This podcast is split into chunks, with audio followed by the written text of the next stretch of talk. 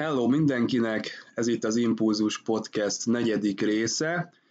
A mai adásban a Choose Your Pain című Discovery epizódnak a kibeszélése hallható. Ahogyan szoktuk, Dévvel elkezdjük a beszélgetést, és talán Attila is megérkezik majd később. Szervusz, Dév! Hello! Remélem készen állsz a kibeszélésre. Ha igen, akkor el is kezdheted az első benyomásokat.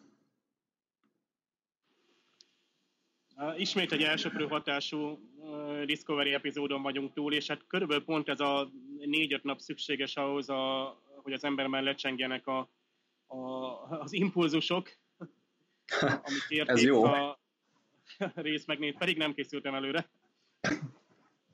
És én már bevett szokás szerint kétszer nézem meg a, a, az epizódokat, és még mindig szükséges a másik megnézés, hogy helyre kerüljenek a dolgok, esetleg a mhm. látványt jobban megfigyelje az ember, kritikus dolgokat is ilyenkor szoktunk inkább összedni, hiszen tényleg a, az első benyomás annyi újjal áraszt el minket, az első nézés, a cselekmény nagyon sűrű. Ugye ezt most már szinte kijelenthetjük, hogy a Discovery nagyon nagy erővel halad előre, tehát ö, ö, itt is ö, annyira minden történt, és ö, olyan események jöttek előbb, amikre nem is gondoltuk, vagy azt hittük, hogy esetleg majd az évad vége felé történik meg. Tehát nyilván, hogy a, a, a, a készítők sokkal nagyobb ö, tempóban és sokkal nagyobb ívű cselekményt akarnak bemutatni, mint ahogy azt mi sejtjük, ami nagyon jó, tehát még akkor is, ha rengeteg spekuláció van arról, hogy mi fog történni a következő részben, gyakorlatilag nem látható előre. Ezt jónak tartom. A másik szempontból, hogy egy kicsit hektikus vagy zaklatott abból a szempontból most már szinte mindegyik epizód, hogy nincsen pihenőidő, sem a néző számára, sem pedig a résztvevők számára. Azt is tudjuk, hogy ezek napok sokkal rövidebb idő alatt történnek ezek a, a, az események. Uh-huh. És a nézővel, nézők ugye együtt sodródnak a, a, a főszereplőkkel, ugye egyre inkább kilépünk abból, hogy csak bőrnemet kövessük. Ez is egy érdekes szemléletváltás, tehát fokozatosan újítja meg magát a sorozat, mintha az írók is keresnék a, a, a karakterek helyét, vagy éppen most jutnának el odáig, hogy, hogy megtalálják azt a hangot, amivel ezt a sorozatot szeretnék írni. Feltételezem, hogy egyébként ilyenkor rendező és íróváltás van, és talán ezért látunk másfajta megoldásokat. Aha. Többit akkor a, a részletek kibeszélésekor. Jó. Hát nekem csak annyi volt a megfigyelésem, ami nagyon markánsan megmaradt bennem, az, hogy mennyire jó, hogy végre átívelő módon tudják megjeleníteni az egyes szálakat, és itt most konkrétan a medveállatka kapcsán jött ez a gondolat. Azért, mert ahogy mondtuk a korábbi epizódokban is, ez nagyon emlékeztet pár korábbi toposzra, viszont a régebbi Star Trek-ekben ez, ez mondjuk egy B-plot lett volna, vagy egy, vagy egy akármilyen mellékes szál, ami mondjuk egy részen belül, vagy jó esetben két részen belül tud kibontakozni, így viszont szerintem jóval több figyelmet tudtak arra fordítani, hogy ez a része is megfelelő mértékben kibontakozzon. A másik dolog, ami, ami elkerülhetetlen, ugye a Harry Mudd-nak a felbukkanása, ezzel száz százalékig elégedett vagyok, szerintem nagyon jó munkát végzett a színész, teli találat, ugye Ryan Rain Wilsonról van szó, róla is majd akkor gondolom később szót ejtünk, hát nehéz az ő alakítását szó nélkül hagyni. Elnézést. Nagyjából ezek voltak az első gondolatok. Kezdjük el akkor a sztorival. A történet elején kihalt folyosók, helyiségek láthatók, ami a Discovery csillaghajónak a része. Alatta már egy vészjósló zene szól, Tehát tudjuk, hogy valami nincsen rendben, amúgy is rossz érzést kelt, hogy nem látjuk a legénységi tagokat tevékenykedni. Az első ember, akit megpillanthatunk, az Burnham, aki a gépházban áll a meghajtó rendszernek a konzolja előtt. Rövid időn belül azt is észrevesszük, hogy a kamrában, ahol a medveállatka szokott helyet foglalni, ott is Burnham parancsnok áll, és amikor elindítja a hajtóműt, akkor a hajó rákapcsolódik, ugyanúgy, ahogy a medveállatkára szokott. Ez láthatóan valami fajta szenvedést okoz neki, de nem csak a kamrában lévő Burnham érzi magát rosszul, hanem mint egy tükörkép a konzol előtt álló Burnham is felordít fájdalmában. Ekkor már azért sejti a néző, hogy itt valami álomképszerűségről lehet szó, és be is igazolódik ez, a, ez az érzés, ugyanis Burnham felébred, és a nézővel együtt azt tapasztalja, hogy Tilly zászlós horkol a szállásán a szokásos helyén. Én szerintem egyből egy ilyen arcbatolt metaforát kapunk a, az epizódban. Mit gondolsz erről? Így van, ugyanez a, a, a véleményem, mm, és nagyon jól kifejezted, ez elég hatásforász volt, és már az előző epizód eleje is egy, egy olyan szituációba vitt a nézőt, ahol hát azt sem tudta először, hogy hol van. Egyébként egy tipikus Star Trek motivum, hogy olyan helyen jelennek meg ismert szereplők, ami ö, szürreális, vagy egyáltalán nem illik az eddig ábrázoltakhoz. Aha. Tehát a, a cél az, hogy, hogy meglepődjünk, és egyszer minden elég direkten ráirányítja a figyelmet, hogy, hogy, hogy Burnham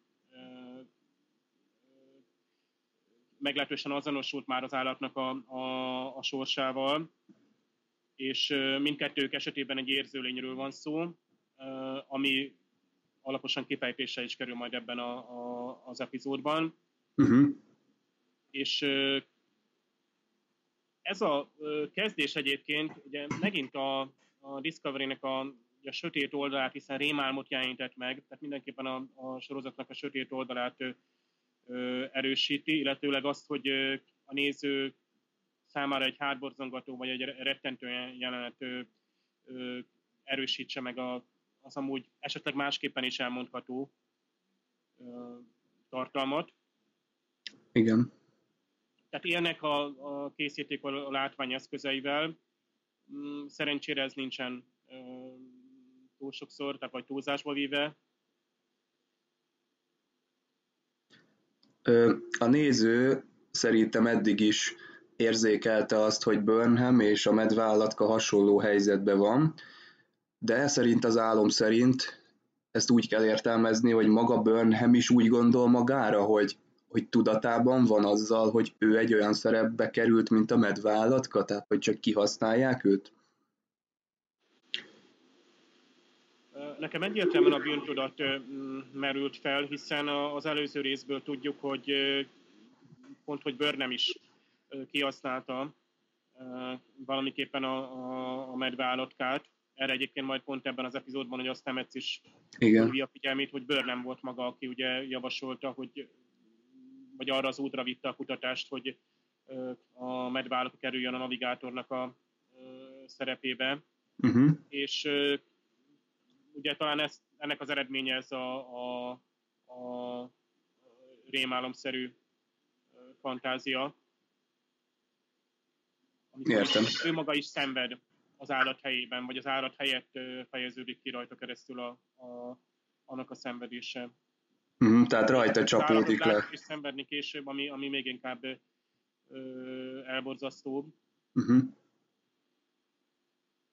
Tehát akkor a Burnhamen csapódik le minden olyan tett, ami, amit már nem lehet igazolni. Tehát ugye ez az egész sztori vonal, hogy mi van akkor, hogyha egy érző lényt használunk ki, aki, akire ez nagyon rossz hatással van. Így általános, igen? Mondjad. Bocsánat, itt a, a, a, az epizód úgy volt emlegetve, a, ez az ötödik epizód úgy volt emlegetve a, a rajongók között, hogy talán leginkább Star Trek filozófiát és kérdéseket behozó epizód. Ezt a rajongók, ez a, ami, rajongók felül, mondták?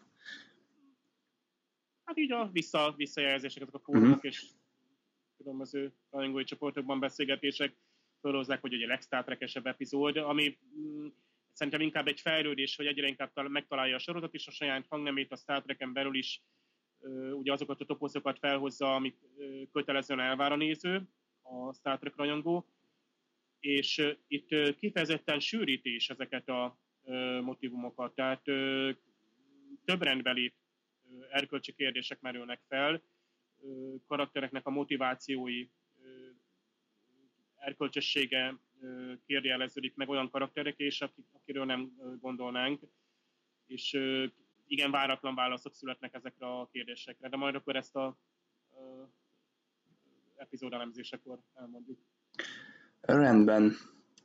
Általánosságban nekem is az jutott eszembe, hogy a Star Trekben már nem először látunk olyat, hogy álomnyelven van megfogalmazva valamilyen mondandó. A Voyagerben elég sűrűn volt erre példa, mondjuk, hogy a Csekotére gondolunk. Miután a rémálom lezajlik, Burnham felhívja dr. Kulber figyelmét is arra, hogy lehet, hogy rossz hatással van az állatra a sorozatos spóraugrás. A doktor ígéretet tesz, hogy vizsgálatokat fog végrehajtani az élő lényen.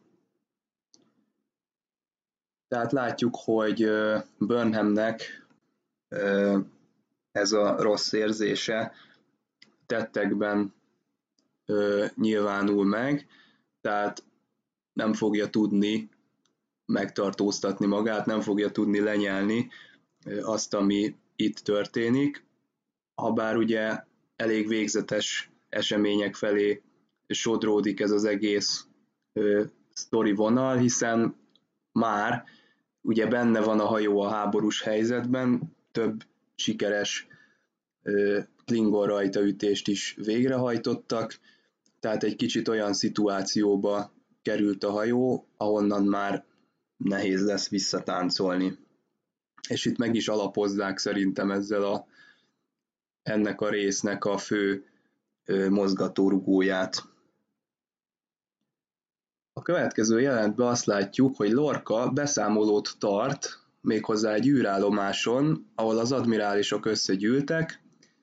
Itt a stratégiai győzelmekről ad számot. Ebből ki is derül, hogy körülbelül egy hónap telt el az előző rész óta, és a Corven 2-n kívül még volt két vagy három ö, sikeres Klingon rajtaütés.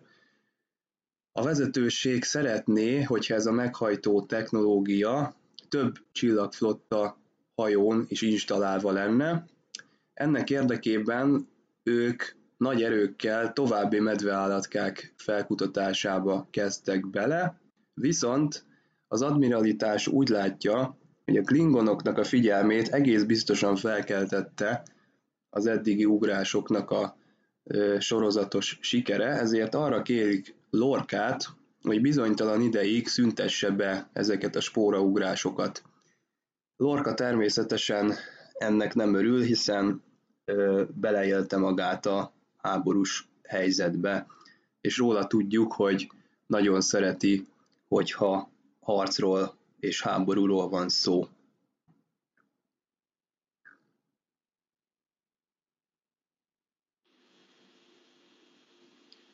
Igen, és itt érdekes a, a, ugye a Lorca és az admirálisok, illetve konkrétan ugye a Conwell admirálisnak a viszonya, tehát Lorkának a, a tehát olyan, mintha Lorkának szinte az admirálisok felett is lenne valamiféle um, szava, tekintélye vagy hatalma, amivel uh-huh. gyakorlatilag ultimatív keresztül tudja vinni a saját akaratát. Ez nagyon érdekesnek tartom, hogy, hogy tehát még inkább megerősítik azt, hogy ő, ő mögötte, vagy ő benne sokkal több van, mint amit vala is gondoltunk. Igen. Lehet, hogy a Cornwell admirális az az admirális, aki kifejezetten azért van, vagy az a feladata, hogy Lorca kapitányt egy kicsit konszolidálja? Vagy, vagy, lehet, vagy közös, ő, közös ő, múltjuk lehet, és talán az alapján feltételezik róla, hogy... Ő, Tehát ő a csatorna az admiralitás és a, és a kapitány között. Akkor, akkor az úgy értelmet nyerne, hogy mi miért történik.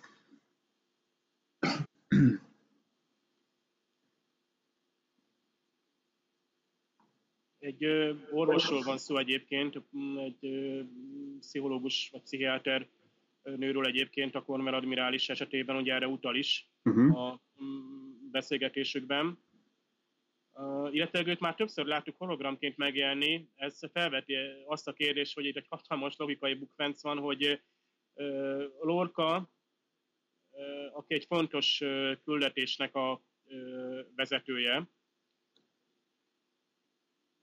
igen. Ő egy űrkomban, egy szál pilótával az oldalán, Aha. egy távoli űrállomásra elmegy csak is azért, hogy egy megbeszélést folytasson, miközben ugye például Cornwall admirális bármikor meg tudott jelenni holografikusan, hanem is testi valójában, a Lorkának az irodájában például.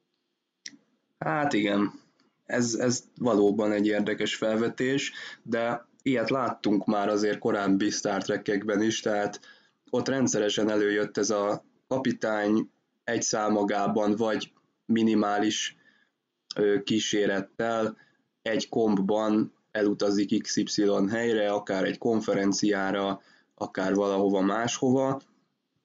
Ez, ez bennem is rendszeresen kérdéseket szokott felvetni. Itt én ezen már meg se lepődtem, megmondom őszintén. Tehát annyi ilyet láttunk már egy kicsit talán súlyosabb itt annyiban a helyzet, hogy a Lorca az tényleg egy ö, olyan kapitány, akire a klingonok is ö, hát elkezdték fenni a fogukat, vagy felfigyeltek. Ilyen tekintetben kiélezettebb a helyzet. Az étkezdében folytatódik a sztori. Burnham letörtsége az még mindig tart, Tilly csatlakozik ebéd közben, ő próbálja megnyugtatni, de szokás szerint ez nem annyira sikerül. Itt nem is a sztorihoz, hanem úgy mellékesen jutott eszembe egy gondolat, amikor halljuk a hajónak a különböző zajait, itt figyelhetjük meg először, hogy ilyen szolgálati közleményeket közölnek a háttérben. És nekem egy kicsit olyan érzésem volt, mint amikor egy ilyen plázában vagy, és ott így bemondják, vagy egy ilyen Tesco-ban például, és bemondják, hogy rossz helyen parkol a... Igen, igen, teljesen ilyen hangeffekteket hallottam a háttérben. Olyan, mintha nem is lenne mindenkinek egyéni jelvénye, és azon keresztül nem tudják megszólítani. Tehát lehet, hogy a de hát ezt tudjuk, hogy át a törkelő időkben vagyunk, és még ugye a, a személyi ekkor még nincsen, tehát a, a folyosókon lévő, vagy a turboliftekben beépített fali vezérlő paneleken keresztül kell megszólítani mondjuk a hidat, vagy onnan érkezik ugye Igen. egy interkomon keresztül. Hm, ez korhű, tehát itt megfelel a kánonnak a, ez a megoldás. Habár egyetértek, hogy furcsa is. Igen, tehát ö, akkor az adott szobában, vagy az adott teremben mindenki hallja a személyre szóló üzeneteket is, bár én ezen a, az új nemzedékben és a, ebben az érában játszódó sorozatoknál is elgondolkodtam, hogy amikor valakit jelvényen keresztül hívnak, akkor a jelvényből szól a kommunikáció, végül is azt is hallják a többiek, tehát csak akkor van teljesen privát üzenet közvetítés, hogyha valakinek azt mondják, hogy ez most egy privát üzenet, ezt kérem, hogy fogadja a saját szobájában.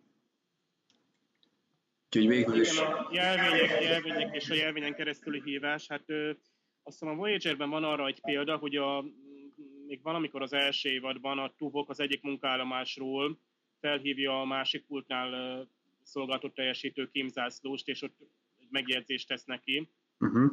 Azt hiszem talán még a a hangszínnel is sikerült megoldani, hogy azért úgy érez a néző, és hogy ez egy ilyen privát kommunikáció, netán csökkentett hangerő, vagy éppenséggel a, hát már most is vannak ilyen irányított hangsugárzók, most ezt el lehet képzelni, akkor lehet, hogy csak az illető hallja, vagy ő, ő, ő érti igazán, hogy neki intézett privát kommunikációról van szó. A másik nagy probléma, vagy ilyen logikai gond a kommunikátorokkal, hogy ugye mondjuk én megszólítom, vagy én vagyok mondjuk a parancsnok, és azt mondom, megérintem a nyelvenyemet, és kimondom azt, hogy mondjuk Csekoté parancsnok Janeway-nek. És túloldalon mondjuk pár szinttel odébb a kapitány azt hallja, hogy neki intézett üzenetet, pedig elvileg a komputer csak utána hajtaná végre a parancsot, neveztesen, hogy elküldi az én hangomat, de most akkor valós időben történik ez a kommunikáció, mert akkor az első mondatom az még ugye a komputernek szól, neveztesen, hogy azt mondom, hogy a, én vagyok a Csekoté, és a Janeway-nek akarok intézni majd egy, egy hangüzenetet. Uh-huh. Ezt már a kapitány is hallja a túloldalon. Magyarul a jelvény az annyira intelligens, hogy már rögtön, mielőtt kimondanám az első szót, ő már azonnal élőben a kapitányt, vagy a kapitány felé közvetíti a hangomat. Aha. Hát igen. Mert nincs magyarázat, meg lehet, hogy nem is kell, mert magyarázat bonyolultabb lenne. Igen. Egyszerűen így működik. Tehát e, ez pont az a rész, hogy a, a Star Trek technikájában, hogy lehet, hogy már manapság vannak fejlettebb megoldások. Például vannak ugye a hangfelismerő szoftverek, amikor is például egy, egy tömegből képesek kihallani egy egyetlen személynek a hangját hangminta alapján. Mert négy vagy öt ember szimultán beszélgetéséből egyetlen egy személy beszélgetését képesek kiszűrni. Itt megint a kémfilmek jutatnak eszünkbe, amikor ugye megpróbáljuk esetleg egy utcán távol beszélgető ember párnak a hangját kihallani egy tömegből, tehát lehetséges, hogy megint ugye megerőszik a Star Trek-et, vagy éppen a Star Trek inspirálta a fejlesztőket, és lesznek fejlettebb ilyen belső kommunikációs megoldások. Uh-huh. Lorca éppen a saját szemét kezeli, amikor Cornwell admirális benyit, és kíméletlenül fel is kapcsolja a villanyt, amivel elég nagy fájdalmat okoz a kapitánynak. El is hangzik a kérdés, hogy miért nem csináltatja már meg a szemét mondjuk egy orvossal, hiszen erre már szerintem megvan a lehetőség. Lorca kapitány azonban elzárkózik ettől, elég személyesre veszi a választ, hiszen azt mondja, hogy nem bízok az orvosokban. Ugye ezzel próbál visszavágni Cornwellnek, amiért az admirálisok előtt visszafogta őt a spórahajtó mű használatától. Cornwellben megfogalmazódik az a kérdés is, hogy miért feszegeti a határokat, és miért fogadta be Burnham parancsnokot, hát az egykori parancsnokot a legénységébe. Hivatalosan ugye van erre mód, tehát itt fel is olvassák azt a csillagflotta szabályzatot, ami háború idején lehetővé teszi, hogy egy bűnözővel, vagy egy, egy fegyencel ilyen módon felvegye a kapcsolatot a kapitány és a legénysége tagjává tegye, de azért így a külvilág felé ez mégsem szerencsés. Meg is kérdezi, hogy miért teszi ezt. Ugye a Lorca szokásos módon válaszol, ez az ő hajója, tehát az ő módszereit fogja alkalmazni.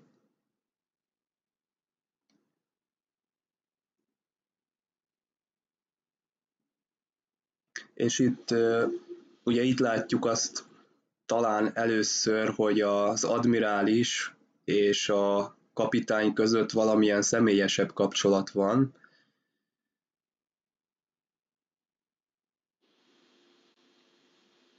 igen, és azt hiszem még talán a, a, az After Track kibeszélő showban is erre azt hiszem ezt szóba hozták, bár ott inkább a, a Lorca kapitány és a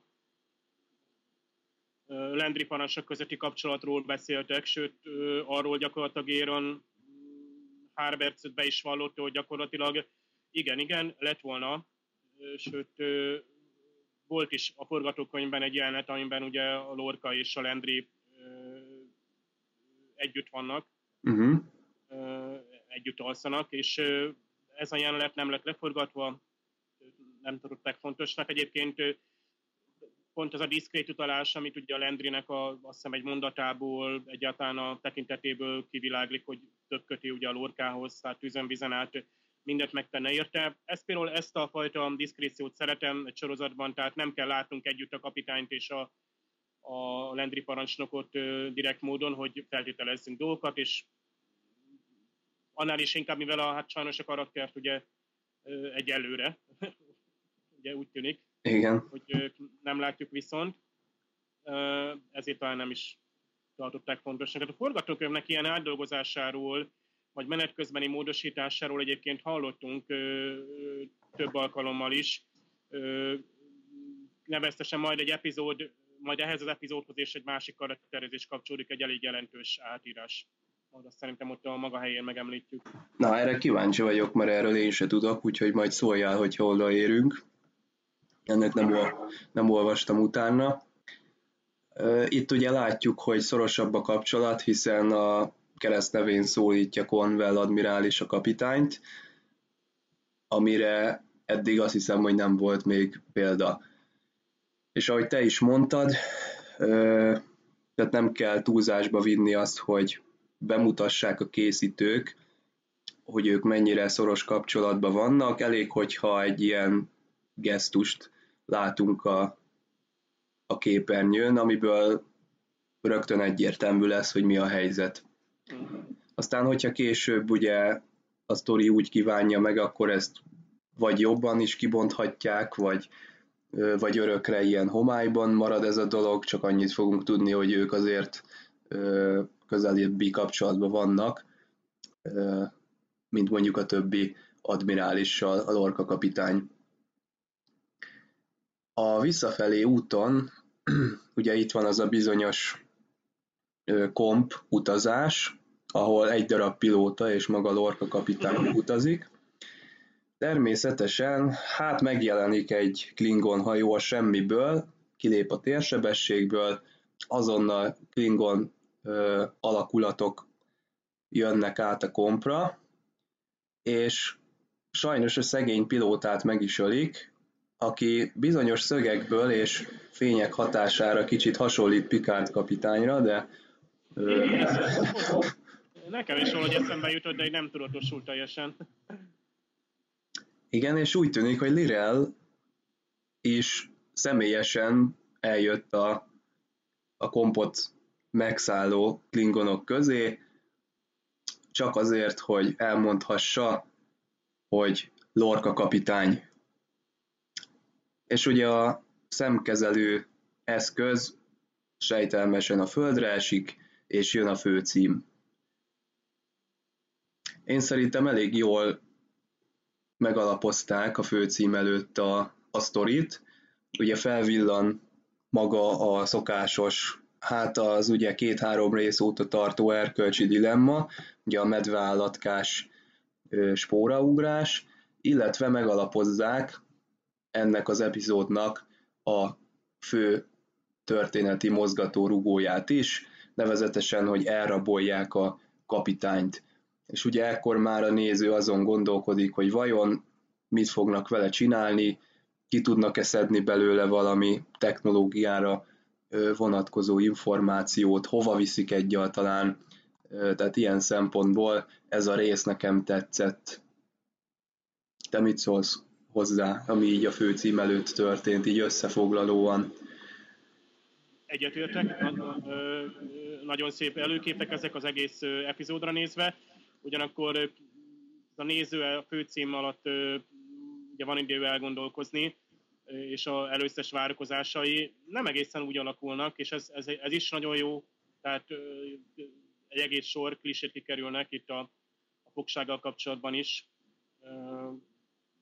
Rengeteg dolgot el tudtunk volna képzelni Lolkáról itt a fogság alatt is, és nem mindegyik, nem mindegyik dolog úgy alakult, ahogy a néző gondolná, hogy viselkedik egy ilyen jellemű tiszta a fogságban. Tehát aki egy admirálissal is szembeszáll, itt ezek a meglepetések, vagy a, a, a személyiségnek egy további vagy újabb eleme, ezek mindig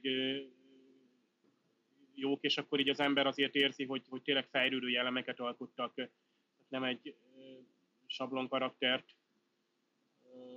és az is nagyon jó, hogy valamilyen epizodikusság is megjelenik azért, tehát itt most egy fő motivum az, hogy a kapitány fogságban van, illetőleg, hogy a medvállapával történő kísérleteknek gátat szab a, egyrészt erkölcsileg, másrészt ugye hát fizikailag az állat, állatkának az állapota, állatállapota. Uh-huh.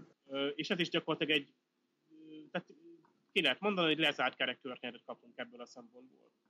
Igen. Hát ez, én, én nyugtázom, mert ugye ha bár a készítők azt mondják, hogy hogy a regényként, tehát meg a 15 epizódot egy egységes történet szárként kell tekintenünk, azért kell ez a meg, megnyugvás, főleg az egyhetes várakozás miatt is, tehát így nem darabódik szét annyira a cselekmény, hanem érezzük, hogy ja, igen, az ötödik epizódban volt a, a Lorca fogságban, és akkor ö, volt ugye a medvállatka történetszála, ugye ideiglenesen is, de valamiképpen lezárva. És akkor ez így jó érzés, hogy epizód, a epizód folyamon belül is tudtak lezárást Igen.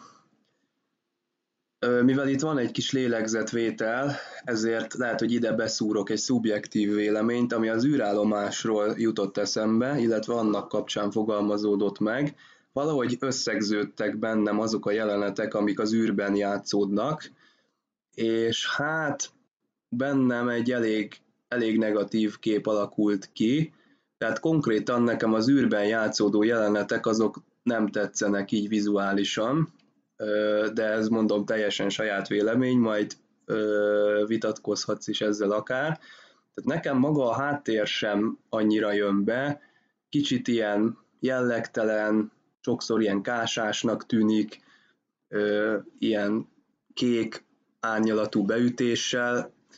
Az objektumok, csillaghajók, esetleg űrállomások, azok olyan, olyan halványan megvilágítottak, úgy a kontúr összeolvad a háttérrel, nem annyira jól kivehetők, de maga a design is olyan, hogy nincs egy markáns forma, ami úgy eszembe jutna. Ezen kívül a beállítások is rontanak a helyzeten. Az előző részben mondtam is, hogy a Discovery bizonyos szögekből elég csúnyácska, és azok a jellegzetes track beállítások hiányoznak nekem, amik a reklámszünet után jönnek, megmutatva mondjuk az Enterprise csillaghajót, hogy na, most itt fog játszódni a következő jelenet. Ez mondjuk sokszor régebben teljesen ilyen újra felhasznált vágóképekből állt, de nekem akkor is hiányoznak ezek a dolgok. Illetve az utolsó ehhez kapcsolódó megfigyelésem, hogy a spóraugrásnál ilyen eléggé olcsónak ható áramsugarak jelennek meg. Tehát így összegezve nekem, nekem az a benyomásom, hogy az Orville-nek a látványvilága az elég puritán, de viszont, viszont sokkal jobban otthon érzem magam benne, és szerintem jobban eltalálták. Te hogy érzed ezt? Hát itt ezt sorban uh, ki tudom pipálni. Uh, tehát ahogy most így elmondtad, uh, itt, itt sűrűn bólogattam. Itt, itt sajnos ki kell mondani, hogy a, az előbb említett másik most futó sorozat, ugye az Orville, a, azt a látványvilágot tárja elénk, ami egy kicsit ugye a, a, a TNG-ben Igen. jól megszokott uh, egyrészt kellemes, másrészt tehát a jól felismerető, sokszor ugye egyszerűsített formánk, de pont emiatt ugye az ember otthon érzi magát a, a, a sorozatban a hajón belül és kívül is látja, hogy mi történik, és ez mondhatni, hogy old school megoldás, de az Orville ezt fel is vállalja, hogy gyakorlatilag egy kicsit feltuningolva ugyan, de egy old school hozzáállású, és Star Trek eszméket erősen közvetítő sorozatokat alkotott. Uh-huh Itt ugye a Discovery-nél hatalmas elvárások vannak bennünk, már csak a, a látvány illetően is, hiszen főleg, hogy sokszor vigasztaljuk azzal magunkat, hogy no, esetleg ha a, a,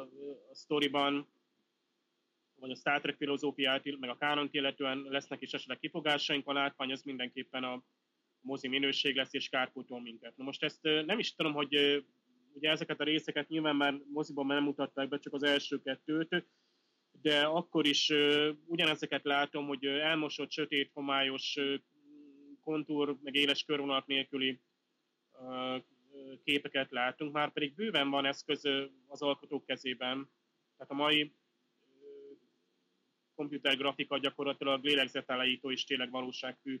Ugye ahhoz képest, hogy kitalált környezetről van szó, de ugye ahhoz képest sokkal például részletesebben ki lehetne dolgozni, akár például egy Klingon járművet, az űrkompot is. Tehát látjuk, hogy szépen csillogó fémes felületek vannak, amiket mondjuk nagyjából egy például egy 2013-as vagy 14-es számítógépes játékban is körülbelül ennyit láttok. Nyilván jobb minőséget látok, meg nagyobb felbontás, de, de mm, valóban zavarbejtő, hogy, hogy miért nem szántak erre akár egy külön csapatot, aki azzal foglalkozna, például, hogy ugye olyan objektumokat, amik többször megjelennek, már pedig az űrkom már első látása sem volt valami jól kidolgozva belül és kívül sem. Uh-huh. Egyáltalán ott, a, ott is egy olyan hát szinte spórolós megoldást látok, hogy létrehozunk egy csövet, aztán ott elő van valami pilóta, konzolszerűség, és oldalt meg a, a metróüléseken ülnek a utasok, nem a kapitány is. Hát, Tényleg. Az első jelet, ahogy láttam, hogy Lorca, ez a öntörvényű és hatalmaskodó ember. Ül a metrón. Ül a metrón. jön, jön az ellenőr. Igen. Hát én legalább úgy képzeltem el Lorkát, hogy ő vezeti a kompot, vagy legalábbis a másodpilóta. Igen, még a Picard is vezette a kompot annak idején. Már, már nem a Picardra hasonlító ö, pilóta, hanem a valódi. De akkor ez költségkérdése szerinted kizárólag? Nem, nem rossz design döntéseknek a sorozata? Mm, biztos, hogy döntés is van. Netán úgy gondolták, hogy azért olyan sokszor nem fogunk komban utazni, és akkor ezért volt ez a döntés. Egyébként láttuk a, a kompot, tehát a komp jelenetek forgatását, azt hiszem pont az After Trackben, hát illúzióromboló. Uh-huh. Még nem láttam egyébként az ehetit. Hát egy ilyen zöld vászlas fülke gyakorlatilag, de azt hiszem talán már múltkor is mutatták. Múltkor is volt? Arra meg már nem emlékszem, az, az a baj akkor. Komp is egyik az ilyen újra felhasznált helyszíneknek, pontosabban a talán bizonyos elemeit, hát meg egyáltalán, hogy, hogy ha már a hidat ilyen szépen kidolgozták, és ténylegesen létrehozták a díszleteket, ugye az utolsó vezérlőpultig a kijelzők is valódiak, a gombok kezelőszervek azok is mind fizikailag, sőt működnek is, tehát tényleges lenyomáskor töltenik egy, egy reakciót a megfelelő eszközben hát a kompot az simán létre lehetett volna hozni. Tehát építünk egy, egy komp belsőt, tényleg megcsináljuk a megfelelő anyagokból, fémből, fából, vagy műgyantából, vagy bármi, amiből manapság szoktak dolgozni, és akkor ténylegesen ö, érzi az ember, hogy, ö, hogy egy fizikai térbe lépett be, tehát egy valós eszközről van szó. És azt kell mondani, hogy az űrkomp a következő részben ismét csak ö, központi szerepet játszik, mert ö, spoiler, spoiler, egy kicsit azt hiszem feltuningolják, aztán még Burnham is dolgozik majd egy űrkompon, amiben majd, spoiler, spoiler, Lorca és Ash uh-huh. Tyler hát nagy közösen utazni oh, Hát pedig az ő helyükben én már nem szállnék kompra. Hát Ezek után. Hát egy vörösinges kell mindenképp a fedélzetre, azt tudjuk. Igen. Egyáltalán az utazás is céltalan volt, szinte érezzük, hogy direkt csak a, a, a Lorca fogjulejtése volt a, a a cél, tehát dramaturgiailag is, az, hogy ugye előre, hogy szerzett erről tudomást, azt nem tudjuk egyáltalán, hogy ő hogy kerül ugye egyáltalán arra a börtönhajóra, azt sem tudjuk, ott a legutóbb a, a száműzött vokot követ a elhagyatott Shenzhou fedélzetére, tehát itt egy lyuk van uh-huh. a forgatókönyvben, amit lehet, hogy a készítők szándékosan hagytak nyitva. Meglátjuk. Igen.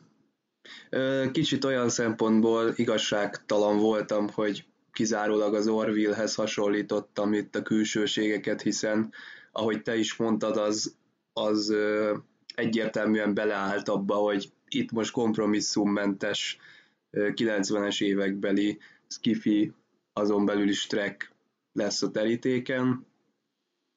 Viszont a, én a modern skifikben is mindig megtaláltam azt az egyediséget, amit most még keresek a, a Discovery-ben. Tehát például a Dark Matter-ben a térugrás az nagyon jellegzetes és nagyon tetszik, a The Expanse-nek is baromi jó díszletei vannak, és ott a CG is nagyon jó. Én reménykedem benne, hogy a Discovery az meg fogja találni ebből a szempontból is a saját hangját. Van neki, tehát, sőt, jellegzetesen furcsa beállításokkal hívta fel magára a figyelmet. Ugye itt a, a, a jellegzetes például a kamera mozgások, például, hogy kintről a hajón kívülről elindulunk, és uh-huh. ügyes húzással bejutunk a Igen. a készeléti irodájába, vagy a hídra is, és na, ezt is egy időben szinte rendszeresen alkalmazták, most ez, ez, ez eltűnt, tehát jel, jellemzően mint, teljesen ez is olyan hatásvadász dolog, hogy most megmutatjuk, hogy jaj, ilyet is tudunk, és akkor már tehát olyan kameráink vannak, és olyan, olyan lehetőségeink, hogy akkor ezt időnként elővesszük, csak azért is. Hát, semmi más funkciót nem látok benne. Hát esetleg még arról lehet szó, hogy ez egy megidézés, mert az eredeti sorozatban Ugye azt hiszem mindkét pilotban volt olyan rész, amikor kívülről közelítünk az Enterprise felé, és fokozatosan zoomolunk be a hídra. Hát ott még egy kicsit ez esetlenül volt megcsinálva, de szerintem itt is egy hasonló érzést próbáltak közvetíteni. A felújított változatban ugye nem tévedek, jól emlékszem, hogy ott azt hiszem a távoli felvételeken is már jól meg volt oldva, hogy hát amennyire lehetett a uh-huh. felújításkor, hogy a hídon mozgó tiszteket már láthattuk távolabbról. Én azt nagyon ügyesnek tartottam, jól tartottam, ahhoz képest, amilyen régi felvételt hát dústottak fel CG effektekkel. Igen. Nem egy könnyű. Egy, egyébként ez a, ez a fajta kívülről rázumolás, hát ugye modellekről van szó minden esetben, és a Discovery esetében meg például ott nincsen fizikai modell. Uh-huh. Tehát ott gyakorlatilag van a ténylegesen fölépített hídunk, plusz van a, a CGI változat, és a gyakorlatilag kettő köz, között kell kombinálni, ugye a, uh-huh. ezt, ezt kell összefésülni. És azt szerintem lehet, hogy még nehezebb is, mint egy modellre közelíteni, és aztán egy ügyes, ügyes Hát lehet, a, igen. Vágóképeket mondtad, az Aha. nagyon jó, mert az nekem is mindig tetszett, tehát mindig a epizódok is úgy kezdődtek, hogy az Enterprise egy bolygó körül kering, és most a bolygónak más a színe, kicsit barnább, máskor zöld, azokat is első dolog volt, hogy azt, azokat kicseréljék, nagyon szépek lettek egyébként a bolygók, ha azt indokoltnak tartom, akkor azoknak a cseréje az, az mindenképpen indokolt. Mm, a CGI Enterprise szín viszont nem tartom olyan jónak. Uh-huh. Próbáltak lavírozni, hogy ugye a modell nem volt olyan részesen kidolgozott, és akkor ugye a a CG Enterprise se legyen olyan részekben kidolgozott, de ugyanakkor meg mégiscsak legyen szép letisztult, ugye, hogy a, a felvétel Igen. Jól nézen ki. Mm, nagyon hát egy összfér megoldás született. Mellesleg magát a modellt ezt felújították, és a Smithsonian Múzeumban kiállították, kápráztosan néz. Uh-huh. Igen, erről van YouTube-on is videó, ugye? Ezt majd lehet, hogy megkeressük, és akkor kitesszük a adással együtt. Egész, egész dokumentumfilm készült arról. Igen. Building Star Trek, azt hiszem ez a dokumentumfilm, ami, ami bemutatja is. Az 50. évfordulóra kicsit mondogattuk, hogy a CBS meg a Paramount nem tud tehát keresse a helyét, hogy mit találjon ki, hogyan ünnepelje méltón. És azt hiszem ez egyetlen egy dolog a legméltóbb volt, tehát hogy az eredeti hajónak a felújítása, és látjuk, hogy milyen nagy gonddal nyúltak hozzá a modellhez. Uh-huh korhatfa és fémakat részekről volt szó, gyönyörű a, a végeredmény. A vágóképeket tehát én is hiányolom, tehát hogy egy pillanatra akár a, a, ugye a reklámszünetekről, amikor visszatérünk a sötét képernyők után, ott egy pillanatra visszahelyezzük a nézőt a szituációba, ahol ott hagytuk. Vagy ha másikba kerülünk, akkor ott csináljunk egy felütést. Tehát ne rögtön induljon a dialógus, hanem mutassuk meg először, hogy hol vagyunk. Igen. Hát azt a pár másodpercet rá kéne szánni, hiszen ugye digitális terjesztésről van szó, most, hogy 46 vagy 48 perces lesz a végeredmény, az nem hiszem, hogy bárkinek fájna. Uh-huh. Nyugodtan lehetne időt hagyni arra, hogy mutassuk például azt a Klingon hajót kívülről, ahol ö, raboskodnak lorkáék. Igen, azt, azt egy csomó ideig nem látjuk, csak belülről. Jó, hát a lorka se látja esetleg, hogy ö, ilyen hát... szempontból ez a szűk látókör, ez betudató annak, hogy a kapitány nézőpontjából látunk most mindent uh-huh. És ő, ő ugye nem lát rá. Egyébként ez jó húzás, nem látjuk a klingonokat, nem látjuk a hírat, nem látjuk, hogy ki vezérel, mi történik a háttérben, csak a cellában vagyunk, és, és pont ugye ki az, aki felvilágosít minket az egészről? Ugye Harry Mudd, és Harry Mudd. folytatódik. Igen. Egyébként visszatérve, aki kíváncsi az eredeti sorozatra, a Blu-ray változaton megtekintheti az eredeti filmeknek a nagy felbontású változatát. Ott semmilyen utómunka nem történt, azon kívül, hogy digitalizálták a filmet, és nagy felbontásban elérhető.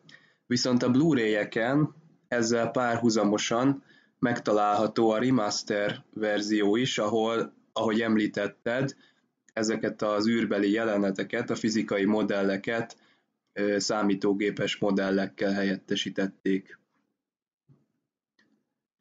Akkor a, az űr témáról nagyjából ennyit. Térjünk vissza szerintem a történetnek a folyásába. Megint a Discovery-n vagyunk, Cornwell admirális most a szokásos módon hologram formájában jelenik meg, szarú arangidős tiszt, ő veszi át a parancsnokságot, és a küldetés az az, hogy találja meg Lorca kapitányt, mentőakciót kell szervezni, el is kezdi kiosztani a parancsokat, a hídon váratlanul, legalábbis számára váratlanul megjelenik Burnham, ezt a veszélyjelző csápjai is jelzik, Természetesen a medveállatka épségéről szeretne beszélni, ezt a megbeszélést viszont már négy szem közt folytatják a kapitányi szobában. Szaru rövidre zárja ezt a szituációt, amíg nincs meg a kapitány, addig a meghajtó rendszert és vele együtt a medveállatkát ö, működtetni kell, készen kell állnia az ugrásokra. tehát kiéleződik a szituáció. Ugye a Burnham egyre inkább abba az irányba tereli a sztorit, hogy meg kell menteni a medveállatkát, a történetek folyása viszont azt a szenáriót erőlteti, hogy itt minden pillanatban szükség lehet a spóraugrásra. Ez a kettő pedig eléggé erőteljesen üti egymást.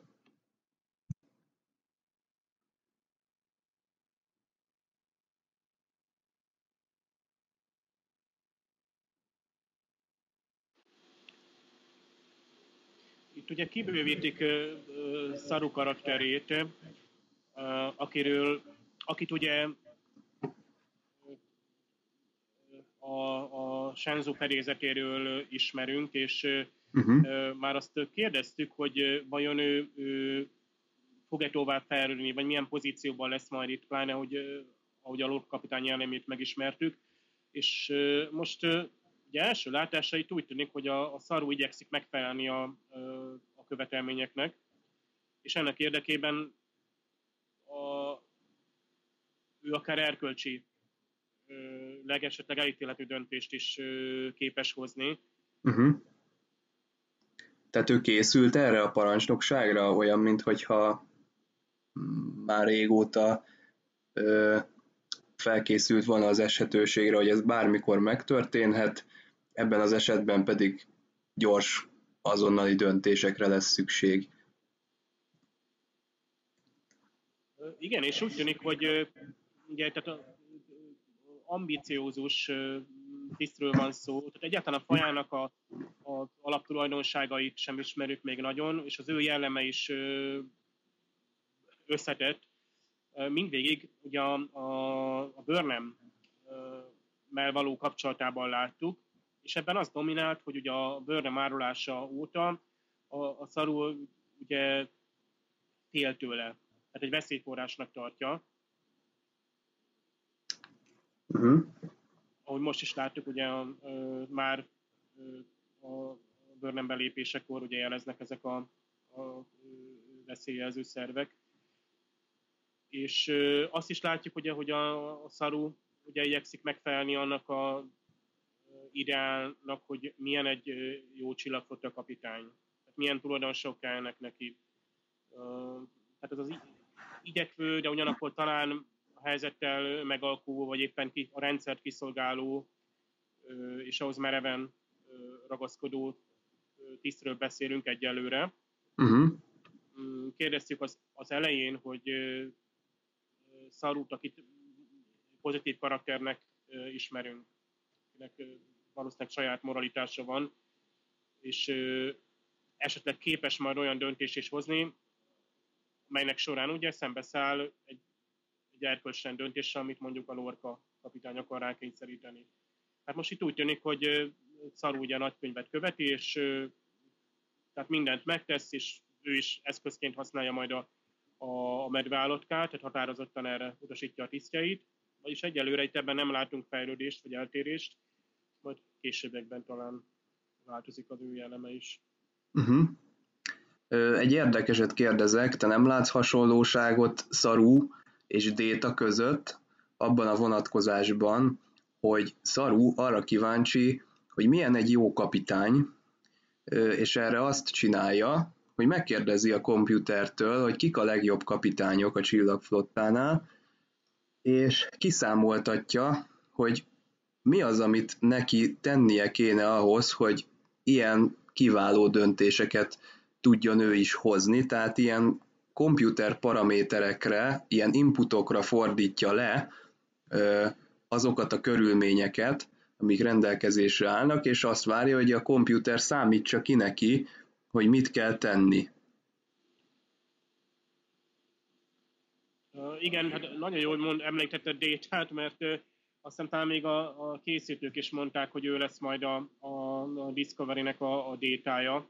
Uh-huh. Uh, és hogy közben el is felejtettük, mert ugye annyi minden történt már az alatt az öt rész alatt, de itt, itt most valóban ezt, ezt látjuk, hogy igyekszik megfelelni, ugye a Déta is nagyon szeretett volna ember lenni és az emberi elvárásoknak megfelelően cselekedni, akár a humort illetően, de akár a, a parancsnokló tisztként cselekvést illetően is. Nagyon érdekes egyébként, amikor Déta kapitányi posztra kerül, akkor például az ő elfogadása problémás volt. Ugye ő is, ugye az volt a, egyik főtisztnek ott a kérdése, hogy ugye androidként ugye nem kell félteni a saját életét Igen.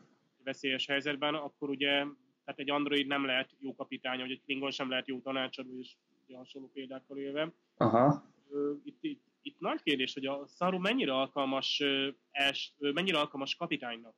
Mert első tisztnek úgy tűnik, hogy kiváló. Tehát tehát a George kapitány iránt is egy hatalmas tisztelet mutatkozik meg rajta, ugye ezért is nagyon nagy ütés számára azt, amit Bőr nem tett. Tehát a lojalitás, a, a, az elfűség, az, ezért mondtuk, hogy ő egy nagyon erkölcsös lény kell, hogy legyen, de ugyanakkor lehet, hogy ez ugye addig tart, amíg ugye ő az elvárásokat teljesít, vagy a parancsokat hajtja végre. Úgymond első tisztként tökéletes parancsok végrehajtására és kérdezés nélküli végrehajtására, de kapitányként már lehet, hogy nem meri meghozni, tehát itt látjuk ezeken a komputernek feltett kérdéseket is, hogy, hogy nincs tisztában még azzal, hogy milyen mozgás tere van, vagy mi az, amit mi az, amiben neki még fejlődni kéne, hogy a kapitányi posztra alkalmas legyen. Tehát ezt nagyon el lehet mondani egyébként, és de jó, nagyon jó, hogy ezt előveszik ezt a témát, hogy, hogy ugye úgy nézünk a csillagok a tiszteire, mint a, az adott pozícióban és poszton ők tökéletesek, de azt tényleg látni kell, hogy nem mindenki alkalmas minden pozícióra és minden hatáskörre. Uh-huh.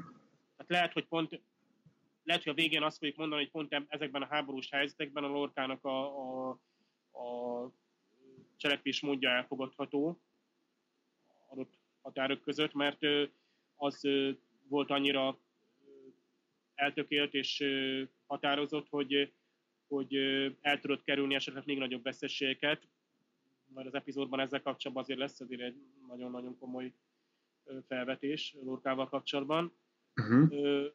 Mennyi, mennyire lehet elmenni a, akár a szabályok érdekében, mik azok a határok, amiket a saját erkölcsünk megenged, vagy amit a, a, az előírások, vagy egy magasabb erkölcs mutat. Ez, ez a szaruban fölmerül, és nagyon jó, hogy ezt megmutatják, tehát nem egy hideg, rideg karakter, aki, akit csak párbeszédekben látunk, tehát nagyon jó, hogy más interakciókban is látjuk a karaktereket. Tehát, hogy minél több szereplővel történjen, akár itt a komputerrel egy párbeszéd, mert annál jobban megismerjük őket. Mert ugye nincs lehetőségünk, mint egy regényben leírni, hogy Szaronnak mik a, mik a jelenvonásai. Azt tudjuk egyébként, hogy a föderáción belül ő az egyetlen kelpián, a, uh-huh. és a fajnak a tagjai, ugye egy zsákmányállatként vannak tekintve a saját bolygókon, a föderáción belül pedig egyfajta ilyen megvetett gyávának tartott hát lényként tekintik őket, de ugyanakkor ha látjuk, hogy a, a hídon szolgáló tisztek gyakorlatilag szó nélkül, vagy ilyen összenézés nélkül végrehajtják szaru parancsait, tehát nincs az, hogy hoppá, most más van a kapitányi ö, ö, székben, és akkor csak ilyen válvonogatva teljesítjük a feladatainkat. Itt egyértelműen az van, hogy ő a ugye acting captain, tehát a jelenlegi kapitány, aki most ugye a, azzal a pozícióval és azzal a döntéskörrel is bír, és ezeket a komoly döntéseket most neki kell meghozni. Nincs mese, lehet, hogy ez is beletartozik, a medveállatkát fel kell használni. Igen, és ahogy mondtad, meg is teszi ezeket a döntéseket, méghozzá ugyanazzal a határozottsággal, mint Lorca kapitány, akár hogyha erkölcsi döntésekről van szó, abban az esetben is azt mondja, hogy vállalja érte a felelősséget, most ez a parancs, ezt kell végrehajtani, és kész. Ugye ilyen szempontból meg tudjuk talán azt fogalmazni, hogy ha Riker kerül az Enterprise kapitányi székébe, akkor azt a kérdést teszi föl, hogy mit tenne Picard, hogyha Saru kerül a Discovery kapitányi székébe, akkor lehet, hogy azt kérdezi, hogy mit tenne Lorca. Azon túl, hogy ugye a többi kapitány profiljait is megnézi a számítógépben. És hogyha már Lorkát emlegettük, akkor azt tapasztaljuk, hogy egy eléggé kellemetlen helyen ébred föl, ahol egy civil így kutakodik az egyenruhájában, nem tudjuk, vagyis hogy nekem nem jött le, hogy pontosan mit is keres, hogy esetleg azt nézi rajta, hogy van-e valami mozdítható. Minden esetleg Lorca felébred, és egy szakállas férfival találja magát szembe, aki úgy mutatkozik be, hogy Harcourt Fenton Mad, röviden Harry, ugye a továbbiakban Harry Madnak fogjuk őt hívni. Hogy került ide ez a fiatalember? Ugye saját elmondása szerint vásárolt egy holdat, aminek a törlesztő részleteivel megcsúszott, és a behajtók üldözték őt a Klingon rendszerig. Ugye ezt a holdat azért vette, hogy az ő kedvesének imponálni tudjon vele, mondjuk arra már nem emlékszem pontosan, hogy ezt most az édesapjának vette-e, vagy magának a hölgynek, ugye Stellának, ez már mondjuk részletkérdés. A lényeg az az, hogy úgy mutatkozik be a karakter, hogy azért maradnak bennünk kérdések vele kapcsolatban, főleg azok számára, akik nem látták az eredeti sorozatot, és nem tudják, hogy kiről van szó, tehát nem ismerik az előzményeket, ami jelen esetben nem is előzmény, hanem ugye ezután fog történni. Valami gyanús ebben az emberben. A bemutatkozást viszont klingonok bemasírozása szakítja meg, a klingonok azt mondják, hogy choose your pain, ebben a felállásban pedig Mad egy földön fekvő cellatársra mutat, ennek az lesz a következménye, hogy a klingonok ö, rászállnak erre a fogolyra, hát konkrétan ugye megverik, és kiderül, hogy ebben a cellában, vagy ebben a börtönben a Klingon módszer szerint a foglyok dönthetik el, hogy ki az, aki bűnhődjön, így megakadályozzák, hogy a cellatársak egymással komolyabb szövetségeket kössenek. Ugye Madnak az arca az feltűnően mentes az úzódásoktól és a horzsolásoktól, ebből arra következtetünk, hogy ő vagy kifogástalanul jól játsza ezt a játékot, vagy tud valamit, amit mi még nem.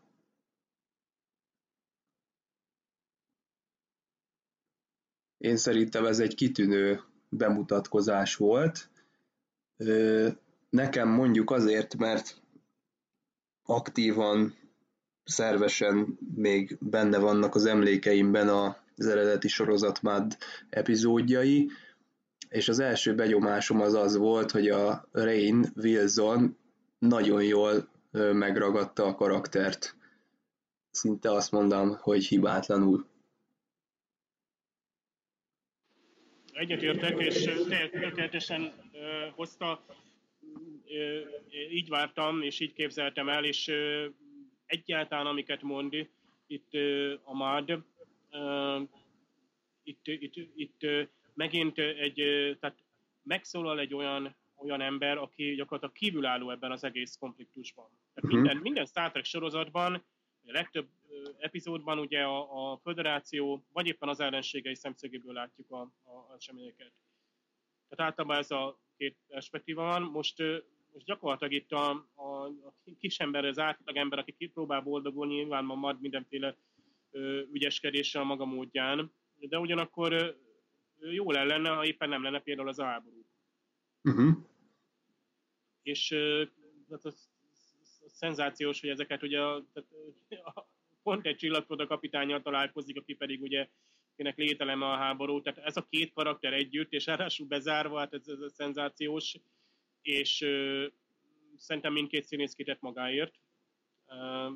mondhatni, hogy a többiek itt mellékszereplők voltak, ha bár ugye érdekes volt, azt, hogy velük is mi történik, de, de szerintem ez, ez parádés volt. Tehát ez, ez színpadra is lehetett volna vinni azt, ami itt történik akár több órán keresztül.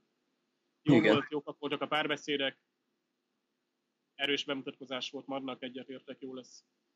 És viszont látjuk, tehát ő maga még érte, tehát várjuk. Igen. Burnham ezúttal Dr. Culber segítségét kéri, a medveállatka megmentési projektben, ugyanis ők ketten együtt keresik föl Stamets-et, és nekik is elmondják, hogy a spóraugrások alkalmával a medveállatka valószínűleg nem érzi magát jól. Ugye miután Kulber elmondta a szakvéleményét, ő távozik, és egy andóriai mandula műtétnél fog segítkezni. Stamets azonban világossá teszi Burnham számára, hogy mégiscsak ő okozta ezt az egész helyzetet, tehát az erkölcsi felelősség az Burnhamet terheli. Tekintve, hogy szegény Burnhamnek rémálmai vannak, gondolom ez nem annyira tesz jót az ő lelki világának.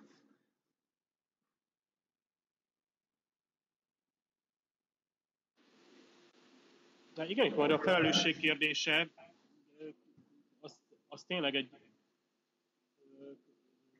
Tehát ez, ez, ez, szerintem most valamennyi szereplőnél megkérdezhetjük, hogy ugye ebben a helyzetben mennyire cselekedett ugye a, a saját belső mércéje szerint, és mennyire a körülmények hatására. Tehát például Stametsnek a kísérletét gyakorlatilag kisajátította a flotta, uh-huh. és úgymond nem is birtokolhatja az eredményeket, bármennyire is szeretné, illetve bármennyire is nem ezen az úton szeretné folytatni.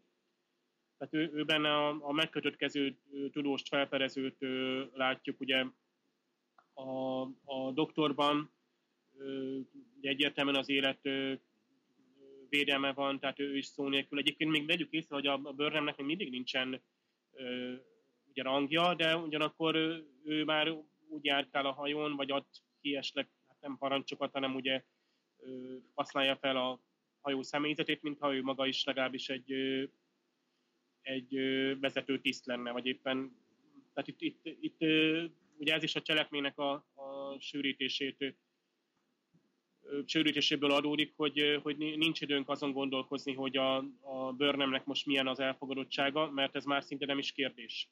Uh-huh. Nem látjuk, már nem látjuk a többi tisztnek a reakcióját, a télivel egész jól kijön, tehát most már úgymond szinte úgy a hangulatról is tudnak beszélni egymással. A, a Stamets meghallgatja, nyilván a, a Saru még mindig nem, tehát az még egy, egy fontos mérföldkő lesz, hogy ő, az ő kettőjüknek a kapcsolata rendeződjön.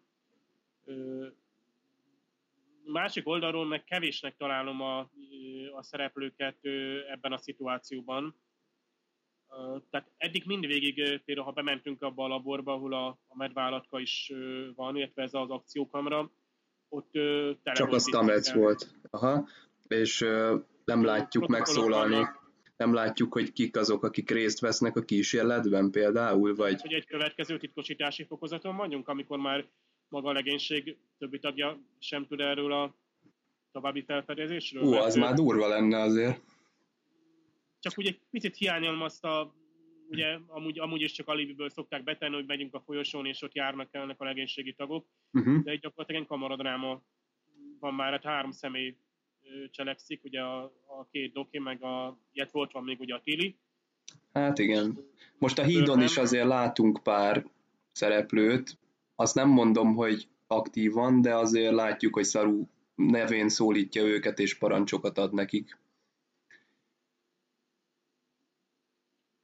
De valóban kevés, tehát ez jó, jó megfigyelés. És igazából jó, hogy felvetetted ezt az erkölcsi részét is, mert az történik, hogy a háború, mint mechanizmus, ugye elkezdett ilyen önjáró gépezet lenni, és megtörténnek a dolgok, és egyszerűen amikor elgondolkodunk azon, hogy erkölcsi felelősség, akkor azt látjuk, hogy mindenki egymásra mutogat. Ugye a Stamets azt mondja, hogy hát bocsánatot kérek, én, én nem akartam egy élőlényt felhasználni. Mondjuk ugye az előző epizódban nem láttunk arra vonatkozólag sem precedenst, hogy ő tiltakozna ez ellen. Tehát azt akarom mondani, hogy a, a háború miatt itt, itt gördülnek az események, és erkölcsileg megkérdőjelezhető döntések, és egyszerűen nincs idő ezekkel foglalkozni, tehát Szarúnak nincs ideje azzal foglalkozni, hogy most élőlény, éreze valamit, nem érez valamit, azonnal ugrani kell. Egy kicsit ezt veszem észre, hogy az események sodrában ugye eltűnik az erkölcsi gondolkodás.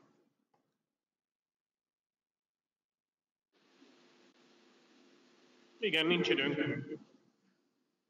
Tehát a néző is csak kapkodja a fejét, olyan gyorsan ö, váltokoznak az események, hogy ráadásul itt a két fő helyszín van, és mindkét ö, helyen igen érdekes, izgalmas dolgok történnek.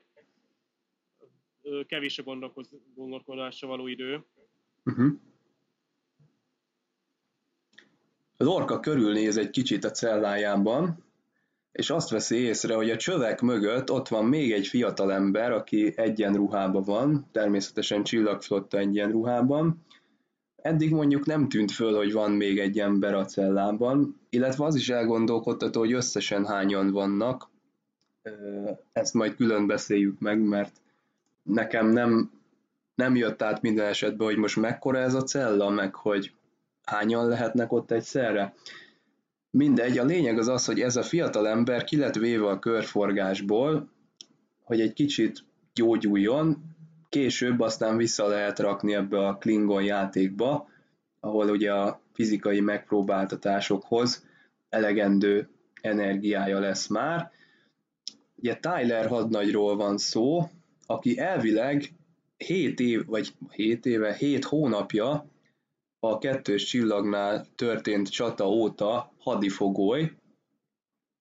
Ugye itt Lorkában egy kis kéte ébredezik, hogy 7 hónapot nem tud elképzelni ebben a Klingon cellában, hogy ezt ember túl tudja élni. Tyler hadnagy emellett némi ételtartalékokat is felhalmozott, hát az túlzás mondani, hogy felhalmozott, de rendelkezik valami kis étellel, amit Mad ízelt lábú barátja, akit Stuartnak hívnak, el is lop tőlük, és saját maga el is fogyasztja ezt, mármint Mad. Mikor ezt számon kérik tőle, akkor Mad is kifejezi az ellenszenvét a flottával szemben. Ugye azt mondja, hogy nincsen kibékülve ezzel a fedezzünk fel új világokat, és menjünk el oda, ahova ember még nem merészkedett szemlélettel. Úgy gondolja, hogy ez mindig háborúhoz fog vezetni, ennek pedig a civilek fogják meginni a levét, akik mellesleg többen vannak, mint a nem civilek. Tehát próbálja éreztetni, hogy itt egy ö, kevesebb emberből álló közösség erőlteti rá az akaratát a többségre. A jelenet egyébként úgy záródik, hogy Lorkát elviszik a Klingon őrök. Na hát itt elég sok minden történt, ugye megismertük Tylert, Stuartot, illetve Madnak némi kép még jobban kibontakoztak az ő motivációi vagy nézetei.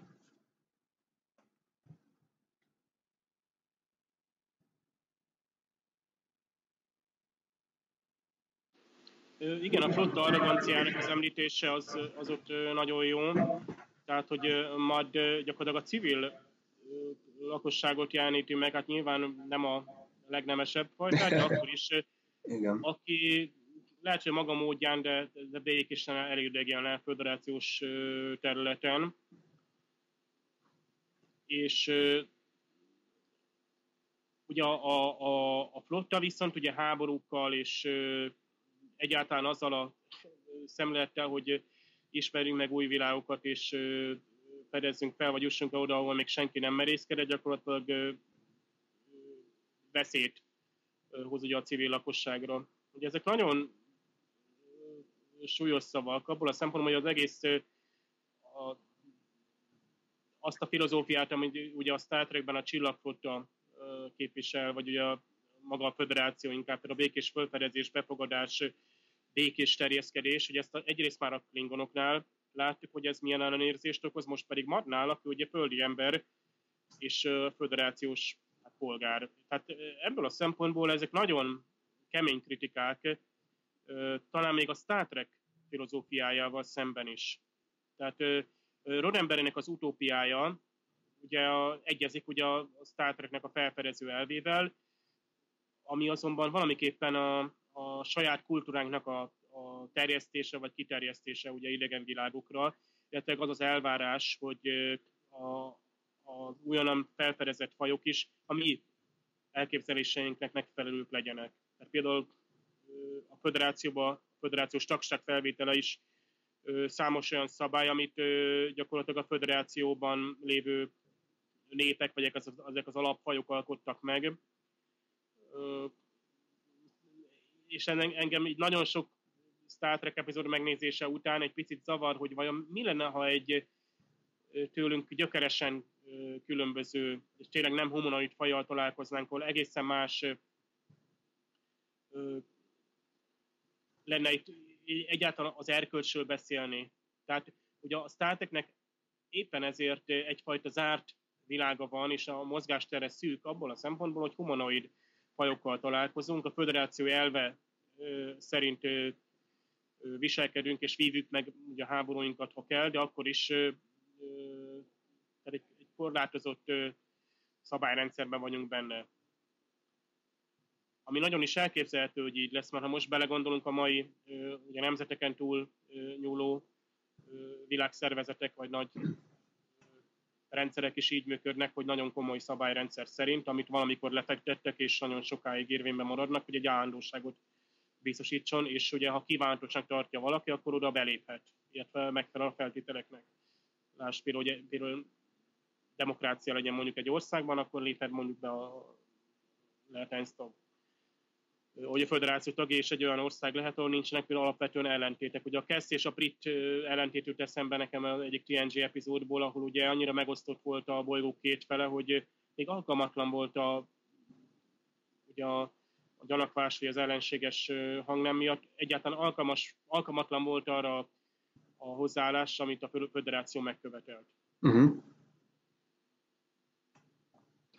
Integráció vagy asszimiláció. Ugye a klingonok részéről is ez a legnagyobb félelem, és ugye a Star Trek 6-ban ugye nagyszerűen ott vannak ezek a kétségek, hogy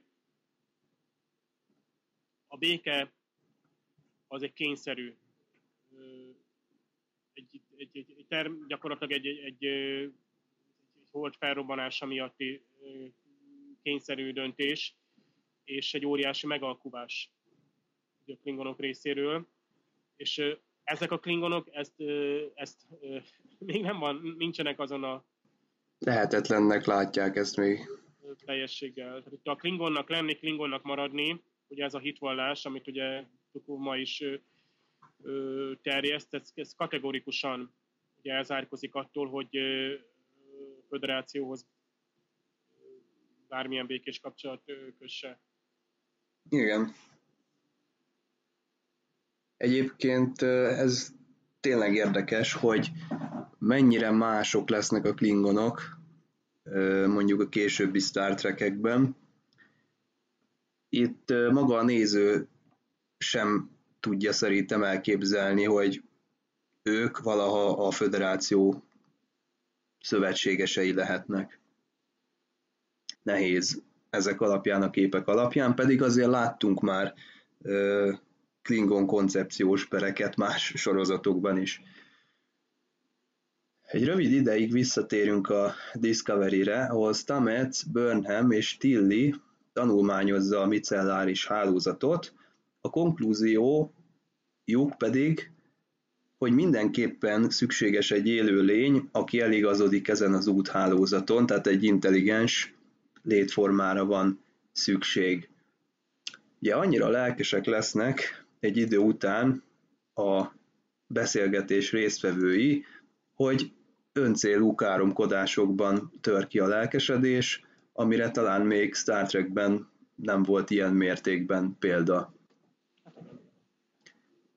Te mennyire érezted ezt helyén valónak? Én nem annyira, én kicsit olyan erőltetetnek láttam ezt.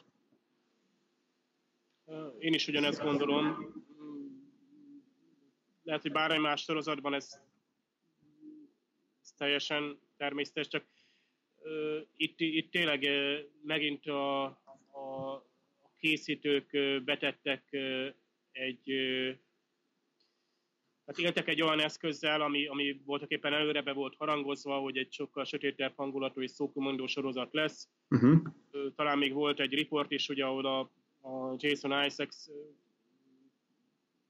elkísértek egy forgatásra, és ott talán a színész megnyilvánult ott ö, Isten nevét ejtettek ki, és akkor ott, ott felmerült egy vita, hogy egyáltalán szabad-e kiejteni Isten nevét, de ugyanakkor a F betűs szót meg ugyanakkor azt előbb lehet mondani, vagy inkább lehet azt mondani, mint, uh-huh. mint mond vallásosságra utalást bevinni a sorozatba. Másrészt ugye Tilliről van szó, már Stamets erre ráerősít, ugye igen, adja alá lovat. Igen, és a végén ez, ez amúgy azon a, úgy veszik abban a szituációban, még humoros is volt, de, de amúgy meg fölösleges, tehát volt egy teljesen másik szóval is lehetett volna helyettesíteni, ami esetleg nem annyira erős, de erősebb, mint egy, amit ugye mondjuk elvárunk egy, egy track sorozatban. Tehát megint uh-huh. arról van szó, hogy ö, ö, nem kell explicit megjelennie, hanem ö, utaljunk arra, hogy, hogy itt ö, nagyon ledöbbentünk, nagyon lelkesek vagyunk, ö, ö, ugye a ilyenkor a fordítók is vakarják a fejüket, hogy majd akkor akkor mit csináljanak. Már előre ugye kíváncsi vagyok a, a majd a jövendő magyar szinkron fordítója hogyan oldja meg ezt a helyzetet, pláne ha ismeri a Star Trek világát, és ő is csodálkozik, hogy egyáltalán ez hogy kerülhet bele. Uh-huh. És ugye a Tilliről egyre nyilvánvalóbbá válik, hogy ö, ö, már nem csak egyszerűen egy, egy, egy, egy, egy szórakozott vagy naív tiszt. Tehát itt volt már föltételezés, hogy az autizmus jelenik meg nála, vagy annak bizonyos formái. Tehát mindenképpen ő, ő, ő, ő olyan különleges egyéniség, akinek számos olyan megnyilvánulása lesz még biztos a jövőben is, amik, amik ugye átlag szemmel nézve kezelhetetlenek, de az ő személyiségének megfelelnek. A máskülönben meg, tehát én engem annyira hát lenyűgözött ugye az, ami ott történik, hogy ugye szinte átsiklottam ezeken a szavakon. Uh-huh. Ugyanis gyakorlatilag kapunk egy oktató videót, amiben ugye a ugye Stamets van jelen, meg a Michael Burnham, illetve még a Tilly, és szinte egymás szájába adják a, a szót, és mint a kisiskolások, akik felolvassák, vagy éppen felelnek a előző nap adott leckéből, elmondják, szinte a nézőnek mondják, hogy hogyan működik a, a, a gombafonalak, vagy a, a micélium hálózat, akkor hogy a normál tér és a, egyfajta szubtéréritek között közlekednek, mint egy ilyen intergalaktikus autópálya, egyfajta mátrixot alkot, amiben ugye ez a medvállatka tud navigálni csak, és ugye egy szimbiózusban van ugye a, a spórákkal, egy teljesen a hihető magyarázat. Megint ott, ott vagyunk, hogy a, a, a Star Trek a maga kereteik között egy teljesen vállalható tudományos világot szeretne fölépíteni, ahol indo, vissza-vissza térünk egy adott jelenségnek az indoklására, és következtesek vagyunk annak a, akár a szóhasználatban, akár a, a gyakorlati használatában. Tehát amennyire ugye ez egy hajmeresztő ötlet egyáltalán, hogy gombafonalak és űrutazás annyira alá lett támasztva, és ez az explicit magyarázat is ezt szolgálja, talán a néző felé is kifelé, meg a tényleg a hardcore rajongók felé kifelé, hogy igenis tudjuk, hogy miről beszélünk, meg van indokolva abban a korban, adott szituációban, és ezt a felfedezést tekintve, ez egy elfogadható tudományos tény, és igenis, hogy vannak vele problémák, ami miatt most például egy, egy másik navigációs módszer kell, tehát itt ugye a medvállatka helyett. Az érdekes egyébként, hogy a dr. Paul Stamets, ugye az amerikai kor, kortás tudósnak az elméletei között szintén szerepel egy ilyen, hát nem is intergalaktikus, de mindenképpen növények vagy különböző növényfajok közötti kommunikáció a gombafonalak segítségével, amivel egy adott élőhelynek a távolabbi növényei is kapcsolatot tudnak teremteni egymással, ami már egy hajmeresztő ötlet önmagában, de mivel egy, egy létező és kutatott dolog, ezért innen gyakorlatilag ugyanolyan lépés, mint amikor azt mondjuk, hogy igen, van már mondjuk kvantum állapot átvitel, és akkor ebből következően lehet, hogy létezik szubtérkommunikáció, vagy éppen ö, ö, ö, transporter ö, is majd, lehet, hogy sokkal később, vagy teljesen más technológiával, vagy tetszett ez, ugyanakkor egy picit a tért a megoldással megint ugye ilyen szembeötlő volt, hogy tálcán kínálták a nézőnek megint összefoglalva azt a megoldást, de azt hiszem, hogy szükség volt rám, mert uh, itt kutatóhajóról van szó, és uh, a nézőben a, igenis, hogy a, itt a, azért a, a, az akció és az erőszak ábrázolása mellett nagyon igényli azt, hogy, hogy itt ráadásul egy ilyen teljesen új tudományos elméletről van szó, és szerintem ez sokat megnyugvással hallották, hogy igenis tisztában vannak a készítők is, meg akkor a karakterek is a, ugye tudják arra, hogy miről van szó. Tehát a kutatást, ami lehetett volna több epizódon keresztül is elhúzni ezt, hogy, hogy mi lehet a megoldása a navigációra a medvállatka helyett, de itt megfelelő módon megindokolták.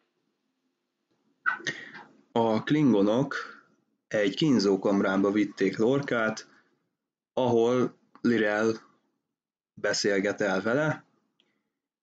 Itt látjuk, hogy Lirelnek elég jó az angolja, ezt Lorca is észreveszi.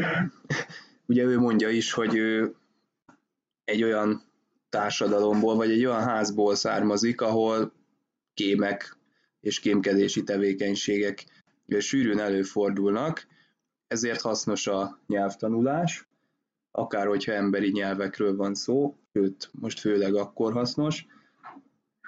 Ugye kihasználva a kapitány gyengeségét, kifejezetten egy fénykínzást alkalmaz a Klingon hölgy.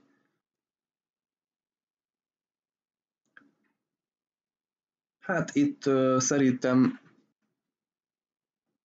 olyan különös dolog nem történik, tehát látni kell azt nyilván, hogy nem bánnak kesztyűs kézzel lorkával, szerintem információkat nem adott át ennek ellenére. Tehát ez egy ilyen szükséges jelenet, hogy gördüljön tovább a sztori, de ha te látsz benne ennél több mondani valót, akkor ne tartsd magadban. Nem, tehát itt ugye hát tényleg be kell mutatni, hogy, hogy még ugye Lorkát is van olyan kín, ami, ami őt legyőzi. Uh-huh. És hát ugye Lorkát egyébként, én most pont abban gondoltam bele, hogy egy fordított szituációban, tehát mondjuk őnek kéne kinyerni valakiből egy információt, akkor ő hogyan cselekedne, Hát... Ajaj, remélem nem fog erre sor kerülni. De ugye a személyiségéből következően az emberének igen, igen merész gondolatai vannak, hogy igen. meddig hajlandó elmenni esetleg egy vallatásnál. De érdekes látni őt ebben a szituációban. Eddig mindvégig egy, egy vezető és egy nagyon ö, tekintélyes pozícióban volt, amiben, amiben megkérdőleztetlen volt az ő fölénye. Hát most ebben én szerintem ugye ráadásul Isaacs is hitelesen mm-hmm. játszik, hogy ez nem kérdés, és a későbbi szituációban egyébként ez a Choose Your Pain következő felszólításnál nagyon érdekes, hogy aztán viselkedik. Uh-huh. Tehát azt látjuk eddig, hogy minden szituációban katonaként reagál. A Discovery legénysége szépen lassan felgöngyölíti a nyomokat, és egyre jobban leszűkíti a koordinátákat, illetve a lehetséges helyeket, ahol Lorca kapitány lehet. Szaru ennek megfelelően már nagyon bekapcsolná a spóra meghajtást, azonban Burnham állatmentő tevékenységébe ütközik. Ennek hatására lemegy a gépházba, és rákérdez, hogy mi az akadálya annak, hogy végre elinduljon a meghajtó. Ugye Burnham elmondja azokat az eredményeket, amiket mi nézőként is láttunk az előző beszélgetés során. Szaru viszont azt mondja, hogy nincs most erre idő, és megint ugyanaz történik, mint a múltkor, nem engedelmeskedik a parancsnak, ennek pedig ö, sajnos katasztrofális következményei lehetnek. Ugye akár olyan tragédia is lehet belőle, ami például Giorgio kapitány halálát is okozta. Ugye nem számít az, hogy jó szándékkal ö, csinálja ezt, a parancs megtagadásnak végzetes következményei lehetnek.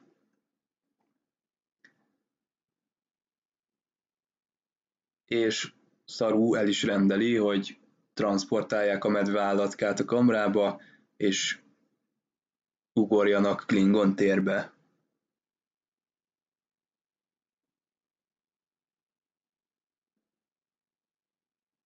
Eközben ö, kap egy újabb kommunikációs üzenetet, ami, ami megint csak a bevásárlóközpontokra emlékeztető hanghatással jár. Ugye azt mondják neki, hogy megtaláltuk Lorca kapitány fogvatartó hajóját ezért adja ki a parancsot. Ugye az előző részekben a párbeszédeknek a dinamikája az úgy alakult, hogy Lorca és Stamets között törtek ki ilyen szópárbajok, most viszont ugye Saru és Burnham között valósulnak meg szópárbajok. Ez szerintem elég jó, mert ö, jól váltogatják ezeket a szituációkat, és szerintem a cselekmény is megfelelően változatos és dinamikus, tehát most, hogy tényleg kellett egy olyan epizód, amikor mondjuk Lorca nincsen jelen a hajóján, és ezeket a párbeszédeket, ami lehet, hogy így egymás után háromszor már unalmas lenne a nézőnek, ugye a katona és a tudós ellentéte, azt most a Burnham és a Saru ellentéte tudja felváltani. Hát én ebben egy ilyen tudatosságot vélek felfedezni. Így minden epizódba kell valami személyes konfliktus, ami, ami kicsúcsosodik a történéseknek a hatására.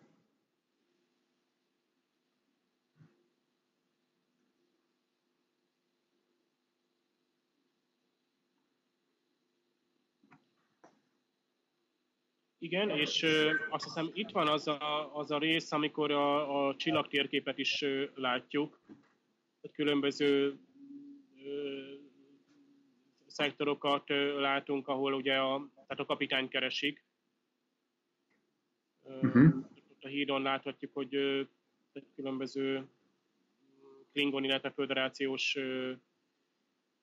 helyszínek jelennek meg, és akkor itt erre ugye a életszeműek, illetve a későbbi elemzések során ugye itt ki is emelték, hogy itt például olyan helyek vannak említve, mint a Rurapente például, ugye ez a büntető kolónia, ahol ugye annak idén Körk és McCoy is raboskodott ugye a, a Star Trek 6 ö, ö, cselekményében.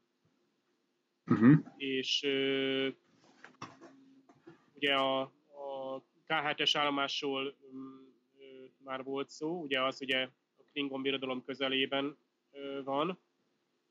Ott, ott például hát a triblis események történtek annak idején. Igen. Szerintem vissza fogunk majd térni erre. Akkor a 157-es bázis az például a Best of Bot, Botfirds, tehát a Borgos TNG epizódból ismerős. Uh-huh. Az Akamar rendszer van még említve. Tehát érdekes, hogy ezeket milyen résztesen kidolgozzák, tehát úgymond hátteret adva a, a cselekménynek, számítva arra, hogy esetleg rajongók képeket nagyítanak ki, ahogy meg is teszik természetesen. És viszont más tekintetben meg mondjuk elnagyolt grafikát kapunk például külső, mondjuk az űr ábrázolásánál. De ez mindenképpen egy dicséretes, hogy ezekre gondolnak, ilyen kikacsintások, easter vannak a, a cselekményben, annélkül, hogy tényleg például ezt nem teszik elénk, tehát nem mondják ki a, a tisztek a Rurapente nevét, vagy éppen a, a K7-es állomásét, mert például látjuk, és úgymond nem akarják ezzel is lassítani a cselekményt, amit ugye látjuk, hogy elég pörgősre vettek. Uh-huh. Lorca visszatér a kínzókamrából, és céltudatosan Madra támad. Kiderül, hogy Stuart be van poloskázva, tehát minden, amit a cellában mondott, azt hallják a klingonok, és ezt Lorca vissza is hallotta a klingonok szájából. Ugye Mad, miután kiderül, hogy ö, feladta őket, megpróbálja lerombolni a kapitány tekintélyét Tyler előtt, elmondja, hogy a USS Burán kapitányaként elmenekült egy Klingon támadás során a hajójáról. Ugye Lorkán látszik, hogy betalált, viszont szerinte ez csak félig igaz, ugyanis ő maga lőtte szét a hajóját, hogy a legénység ne kerüljön Klingon fogságba. És azt hiszem, hogy most kiderült egy sötét titok Lorca múltjából is. Hát igen, de még mennyire sötét. Itt, itt, itt, a, itt akár lehetett volna tartani egy, egy szünetet, és akkor a nézőnek percekig gondolkoznia kellett volna, hogy hú, hát mert sok mindent sejtettünk ugye a Lorkának a múltjából, de egy ilyen ilyen drasztikus döntést nem. Rengeteg Igen. dolgot megmagyaráz, de ugyanakkor meg annyi új kérdést is fölvet. Tehát hogyan lehet még mindig kapitányi poszton. Uh-huh. Igen. Milyen, hogyan milyen motivációk alapján hozta meg akkor azt a döntést, annak volt -e olyan előzménye, ami alapján ilyen kategorikus végzetes döntést hozott. Ki tud még erről? Hát a Madd az biztos. Érdekes, hogy Matt tud róla, pedig ugye látszólag egy kisember, egy civilként ábrázolja magát, aki ugye csak zavar a föderációnak a, a, az ügyei, de úgy tűnik, hogy nagyon is figyelemmel kíséri őket. Ugye Mad mögött is sokkal több van, és egy sokkal hát, sötétebben, nem sokkal, de azért sötétebben ábrázolják, uh-huh. mint a később megismertet. Egyébként belefér abba, akár abba a tíz évben, ami még hátra van, nyilván majd a szakállát le kell nyírnia, de más tekintetben jól hozza, de én Masonon én is elégedett vagyok. Ebből a szituációban is nagyon jól keveri a kártyákat. Ugye... Sőt, hát olyannyira, hogy szerintem belefér majd a mi Conteo szekciónkba is. Nagyon is. Nagyon is. Az ő személyisége, személye legalább annyira titokzatos, mint Lorkáé. A medveállatkát sikerül egy újabb ugrás erejéig ugye felhasználni, azonban ennek az lesz az eredménye, hogy összeesik, ugye a nedvesség tartalmának nagy részét elveszti, és egy ilyen túlélő üzemmód zsugorodik vissza. Szaru kapitány hajthatatlan, szerintem mindent meg kell tenni, hogy a medveállatka újra használható legyen. Ugye ezt mondja dr. Kulbernek és Stametsnek is, de aztán később kiderül, hogy igazából Stametsnek mondja, hiszen Kulbernek etikai aggájai vannak ezzel kapcsolatban. Szaru azonban azt mondja, hogy erre most megint nincsen idő, ő vállalja a felelősséget, egyelőre legyen elintézve, hogy működjön a meghajtás. Tehát a végletekig kiéleződik a, az etikai probléma, úgy tűnik. Igen, és itt a medvállatka állapota az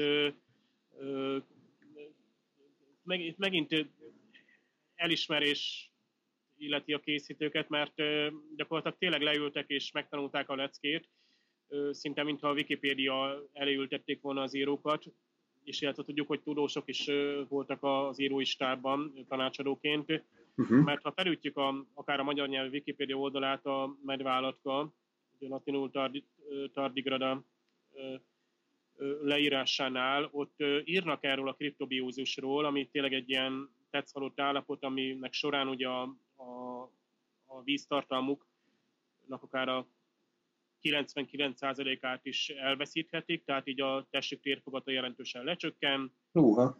Egy ilyen kemény tok kerkezik, és itt most a valódi néhány milliméteres élőlényről beszélünk, de úgy tűnik, hogy ezt gyakorlatilag lemásolták a készítők, ami, ami nagyon jó, mert olyan megerősítést ad itt a, a ugye első látása egy nagyon légből kapott ötletnek, hogy hogyan képes egyáltalán egy élőlény navigátorként cselekedni, és a fizikai és a biológiai világ hogyan tud így összekapcsolódni, miközben egy olyan megerősítést adnak, tényleg egy valós kutatásokból, ami tehát szinte szó szerint követi a, a való életben megfigyelteket. Ugye itt a medveátlaknak az ellenálló képessége, azt, amit egyébként Lorca is ki akar használni, hogy az sem légből kapott, mert konkrétan ugye a, a, a mikroszkopikus élőlény és a kis medveállatka nagyon jól bírja a fagyot, tehát akár az űrhidegét is kibírja hónapokig, folyékony nitrogénbe is tették mínusz 200 fokra, plusz 150 fokra fölmelegítették őket, alkoholban fürdették, ultraéből sugárzás, gamma sugárzást, bármivel bombázták, akkor a földön nyomás 300-szorosát kibírta, oxigénhiányos állapotot 7 hónapig, akkor az ESA, ugye az Európai űrügynökség is kísérletezett vele, méghozzá a kriptobiózis, tehát ebben a tetszalott állapotban lévő medve állatkát ö, vitték ugye az űrbe, és ott gyakorlatilag a világűrbe, a szabad űrbe való kibocsátás is túlélte bármiféle védelem nélkül, és utána egyszerűen vízbe helyezve fölélett, és utána még szaporodni is képes volt. Uh-huh. Hát légüres tér, oxigénhiány, kozmikus sugárzás, tehát ö, olyan elálló képesség, amit gyakorlatilag ilyen szupermenné teszi ö, az állatot. Ö, és hát ö, ezek a fantasztikus tulajdonságok úgy tűnik, hogy a, a felnagyított másában is ott vannak, és teszik nagyon egyedivé ezt, a, ezt az élőlényt.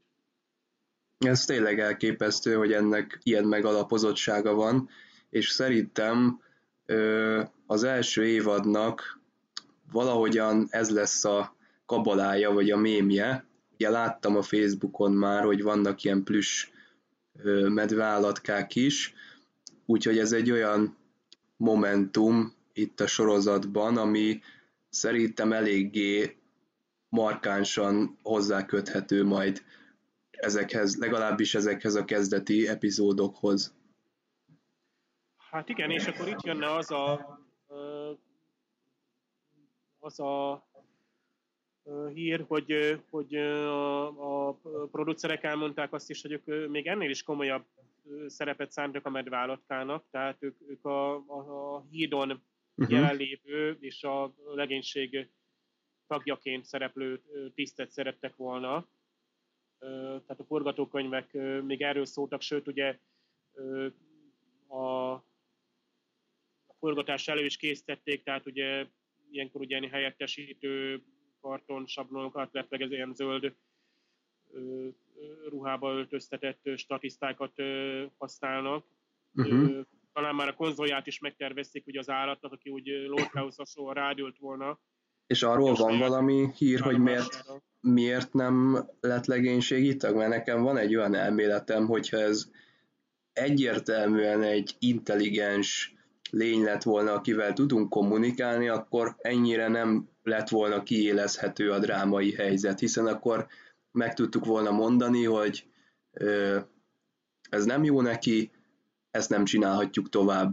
Tehát nem tudtunk volna ennyire bemenni a határmesdjéjére ennek a hajtóműnek a, a használatát illetően. Igen, hát nevetni fogsz, hogy a Aaron Harberts és a Gretchen Cséberg még azt is elárulta, hogy egyenesen párbeszédek voltak már megírva, oh. ahol ugye, hiszen a Stemets főnök lett volna gyakorlatilag a, a medvállatka, és még vitatkoztak is volna Aha. szakmai kérdésekben. Ö, ö, magával Burnham-mel is lett volna több megható jelenete, például az élet értelméről, meg a spórahálózatról diskuráltak volna. Uh-huh. Hát ez tök érdekes. Nagyon érdekes. Ugyanakkor, hogy ilyen titokzatos maradt ez a lény, akit csak részben értünk meg, szinte csak a fájdalmán keresztül, bizony szempontból talán jobb így. Fél, attól is féltem volna, hogy esetleg ott a effekteken csúszik el, amit egyébként maguk a producerek mondtak el, hogy, hogy borzasztó drága lett volna. Aha. És egy, ugye a 15 epizódra 108 millió dolláros költségvetésből, tehát tényleg giga háttérrel rendelkezik a sorozat, ugye a Netflix és a CBS áll mögötte, ugye egyszerre, vagy egy, ugye szimultán ugye szálltak be ugye a sorozatba. Uh-huh. Uh, voltak sajnos, megint pont a medvállatkánál, ahol gyengének vélte az ember a... Nyilván egy teljesen ismeretlen élőlény ábrázolásánál most honnan mondjuk meg, hogy a kültakaró most az tökéletesen néz ki, vagy nem, egy, egy uh-huh. embernél az, Igen. már döntő. Hát gondolom itt, itt csak arról van szó, hogy mennyire fogadja el az agyad vagy a szemed azt, amit látsz. Tehát, hogy nagyon mű, tehát látszik rajta, hogy, hogy na ez számítógépes, vagy azt mondod, hogy na akár ez létezhetne is, akár mennyire csúnya az a lény, vagy akár mennyire furcsa. Gondolom ez a szempont. Igen, igen, és én, én bizonyos helyeken éreztem azért, hogy ez nincs teljesen kidolgozva, esetleg uh-huh. lehet, hogy koncepciótervek mások voltak és egyszerűsítettek rajta. Főleg, hogy ugye a, ugye ha tényleg szerepelt volna a hídon, akkor valamilyen uniformist hordott volna, illetve jelvénye is lett volna uh-huh. neki. Hát most egy kicsit furcsa. Érdekes, hát én nem tudom ezt elképzelni magam előtt, de lehet, hogy csak nekem mm, a fantáziám az korlátozott. Hát igen, egy teljesen, az, hogy egy ennyire idegenszerű és tényleg nem humanoid faj legyen a legénységnek a tagja, az, az nagyon újszerű lett volna, mert itt most, ha úgy veszük a, a leginkább alien-szerű, az a, a szaru, illetve látunk még egy-két furcsa fejet, akiknek még csak a nevét sem tudjuk, tehát random, ugye egy zöldség sandról lettek összeállítva, uh-huh. talán jobb is, ha nem tudunk többet róla, nem, nem szólalnak meg. Egyébként a, a medvállatkáknak lett volna neve is, mert eddig is így ugye próbáljuk megszólítani, itt most gondban mm. vagyunk, hogy hát ugye egyébként ez a fajnak a neve hivatalosan magyarul medvállatka, talán vízi medvécske ugye az angolban és a, a, a németben, ez a tardigrada nevű ö, faj, viszont az állatkát ugye Johann ö, Gőcéről, 18. századi német természettudósról nevezték volna el Ephraimnak. Hm. És akkor, amikor már valakit keresztelmény szólítunk, tehát tényleg neve van, akkor már tudjuk képzelni, hogy egy, egy személy, aki cselekszik, és hogy hogyan zajlott volna a kommunikáció, hát ugye én ugye viccesen a, az állatkának a hangját, ugye ez, ezt az artikulálatlan üvöltést, ami ugye legtöbbször ugye a fájdalmát fejezte ki, Igen. nyert, azt én a, a Star Wars-ban a Csubakához hasonlítottam, és ugye ott is az van, hogy ugye a, csúlynak a bőgését ugye mindenki érti, csak ugye a néző nem, tehát teljesen természetes a, a, a csipogását, meg a csúly bőgését az egész galaxis ugye fejből tudja, ugye és a nézőnek is megmagyarázzák.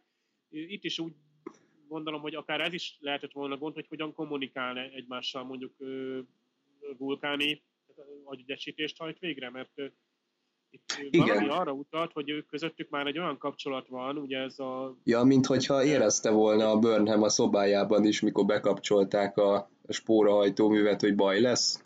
Arra gondolsz? Tehát azért mutatták szerinted a Burnhamnek az arcát? Csak is arra tudok gondolni. Uh-huh.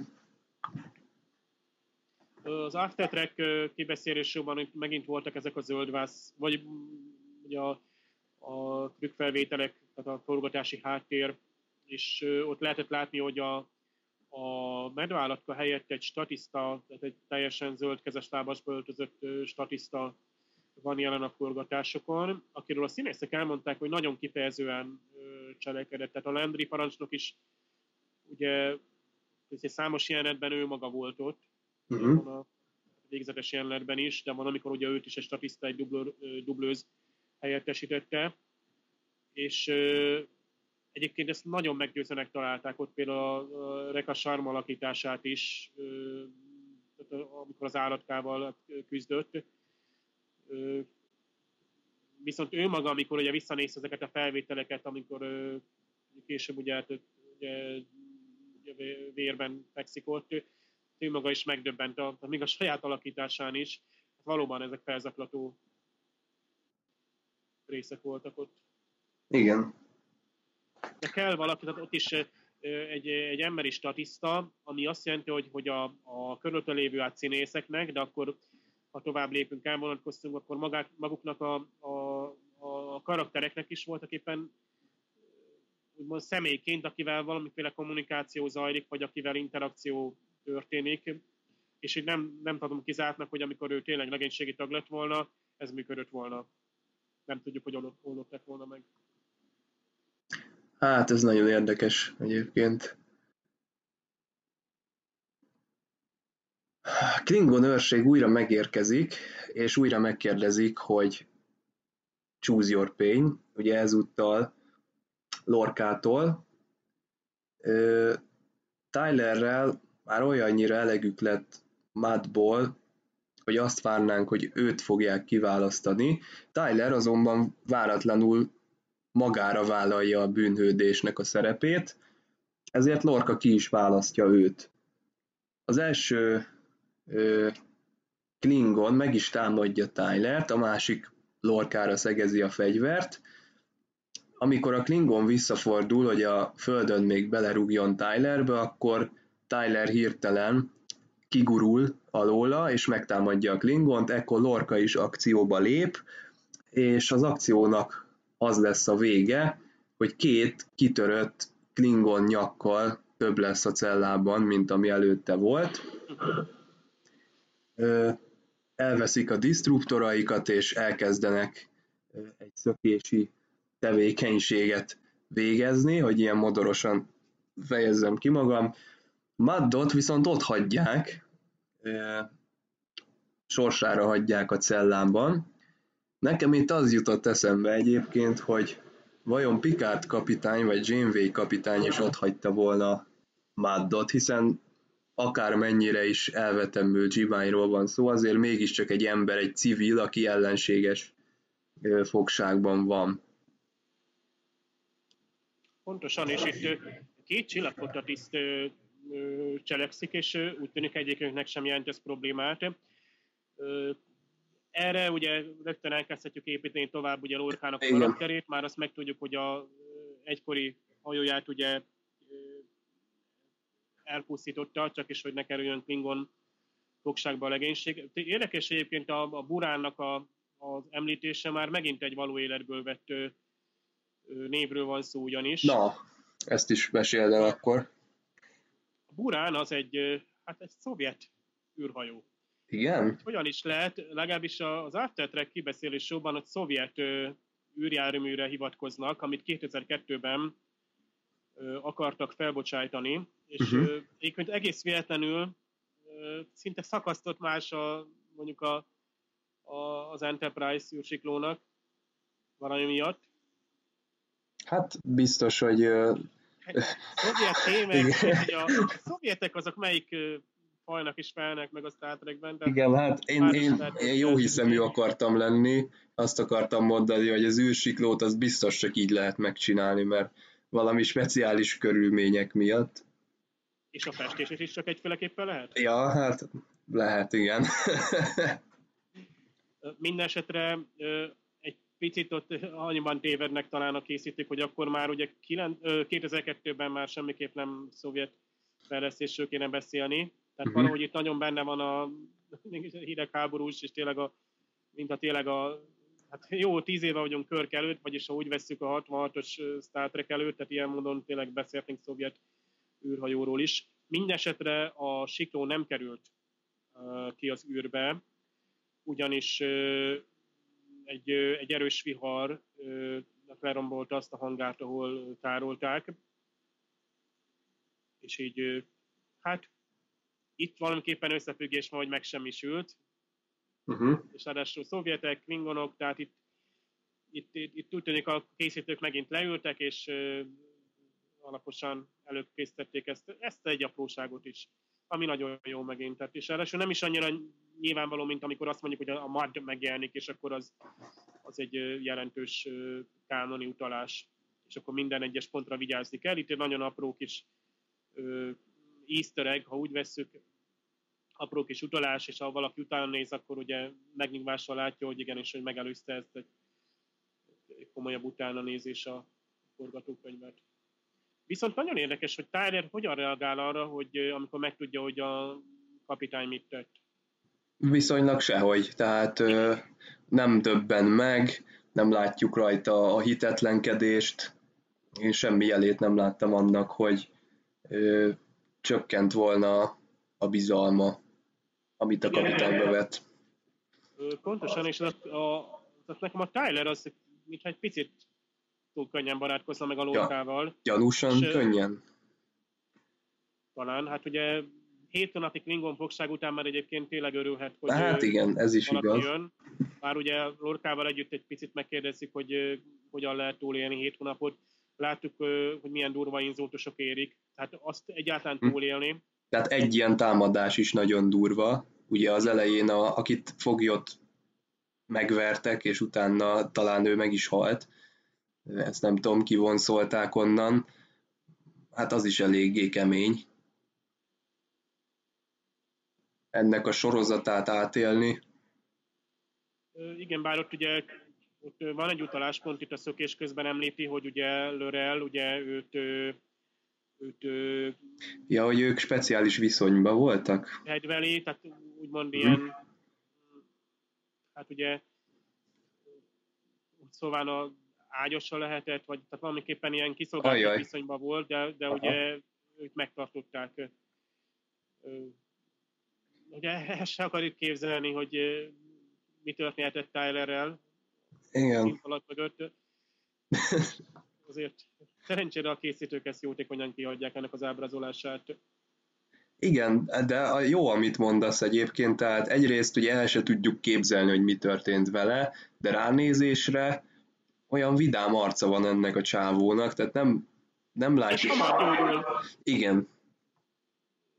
Tehát, tehát az pedig még nagyobb tortura lehet, ha, ha ezután a durva bántalmazás után őt ö, helyre hozzák, és ö, aztán ugye újból és újból ö, elviszik megkínozni. Tehát itt, itt Mardnak az erkölcseit is nagyon komolyan ö, megkérdőjelezzük. Uh-huh. Ezért van az, hogy ugye sötétebb figura, mint ugye később, hogy sok humorral van átszőve ugye a, a személyisége. Mm, annyi még ugye a, a Mardnek az otthagyásához, hogy az After Track show-ban jellemzően nézői szavazások szoktak lenni, és pont ez képezte szavazás tárgyát, hogy vajon a Lorca jól tette, hogy, hogy ott hagyta a Mandot. Uh-huh. És mi lett a végeredmény? Akik nem látták a After Track-et, azok most tekerjenek át. Én se láttam egyébként, de ö, nem baj, nekem elmondhatod. A túlnyomó részt azt a nézők ezzel egyetértettek. Hogy, Talán hogy ott hagyta? Tehát helyeselték, Igen. hogy ott hagyta? Aha. Igen, pedig ugye szóval Lorkához már ugye hozzáfűzik azt, hogy ő egy talán egy első negatív karakter. És, de, de szerinted nincsen, negatív... nincsen valami protokoll erre a csillagflottánál, hogyha civilek vannak fogságba, akkor akármi történik, el kell őket hozni? Hát legalapvetőbb, tehát azt mondhatnánk, hogy ez a természetes erkölcsi törvény. Uh-huh. Tehát egy, egy háború sem lehet annyira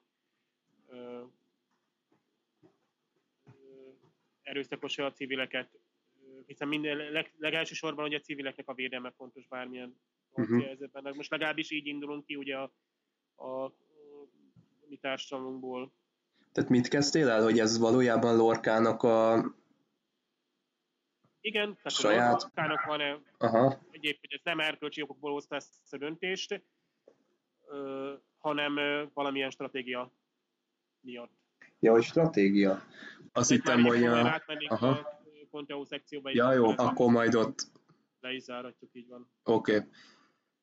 Ugye a disztruktorokkal felfegyverkezve Tyler és Lorca szökésben, ugye látjuk azt is, hogy ezek a fegyverek eléggé pusztítóak, tehát azonnal demateriál, na, dezintegrálódnak a klingonok, akiket eltalálnak, ez talán az eredeti, meg a korábbi sorozatokban is így volt.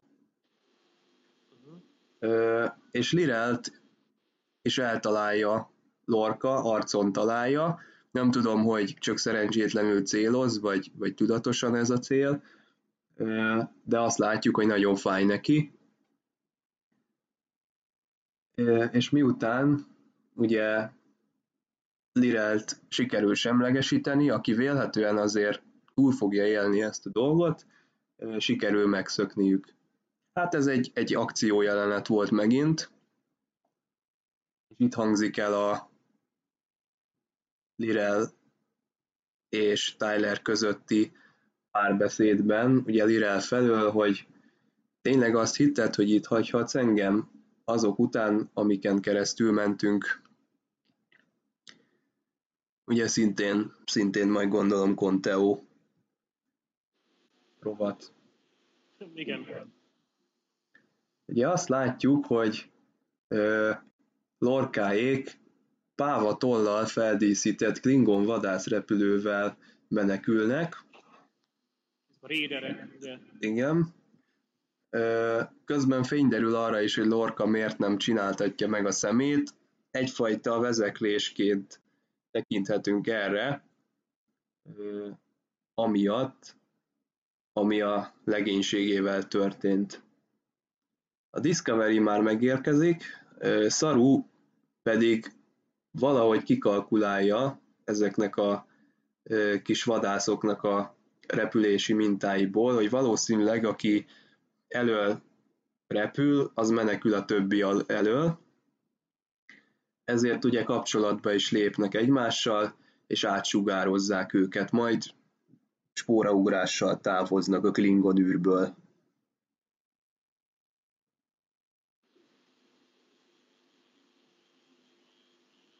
Ugye ez a kötelet... Haru beveti a, a saját fajának az egyik tapasztalatát, mm-hmm. tehát ő ugye, mint menekülő zsákmányárat a saját bolygóján, a, a menekülő, tehát az üldözött Préda és az üldözőknek a, a helyzetéből vonja le ezt a következtés. Ez is egy ilyen kedves utalása, hát jó kis utalás arra, hogy, Igen. hogy ő neki van vannak a fajához kapcsolóan speciális háttértudás, amivel stratégiailag is előnyt szerezhet. Azt hiszem, hogy ilyen börtönszökéseket már láttunk a Star Trekben többször is. A menekülés után viszont kiderül, hogy a legutolsó ugrás az nem a medveállatka által valósult meg, hanem Stamets hadnagy személyesen ment be a kamrába, magába injektálta a szükséges DNS-t, és ő irányította az ugrást. Ugye amikor Saru ezt megtudja, akkor azonnal lemegy, de Stamets hadnagy egy meglehetősen idétlen röhögéssel kifejezi, hogy még életben van.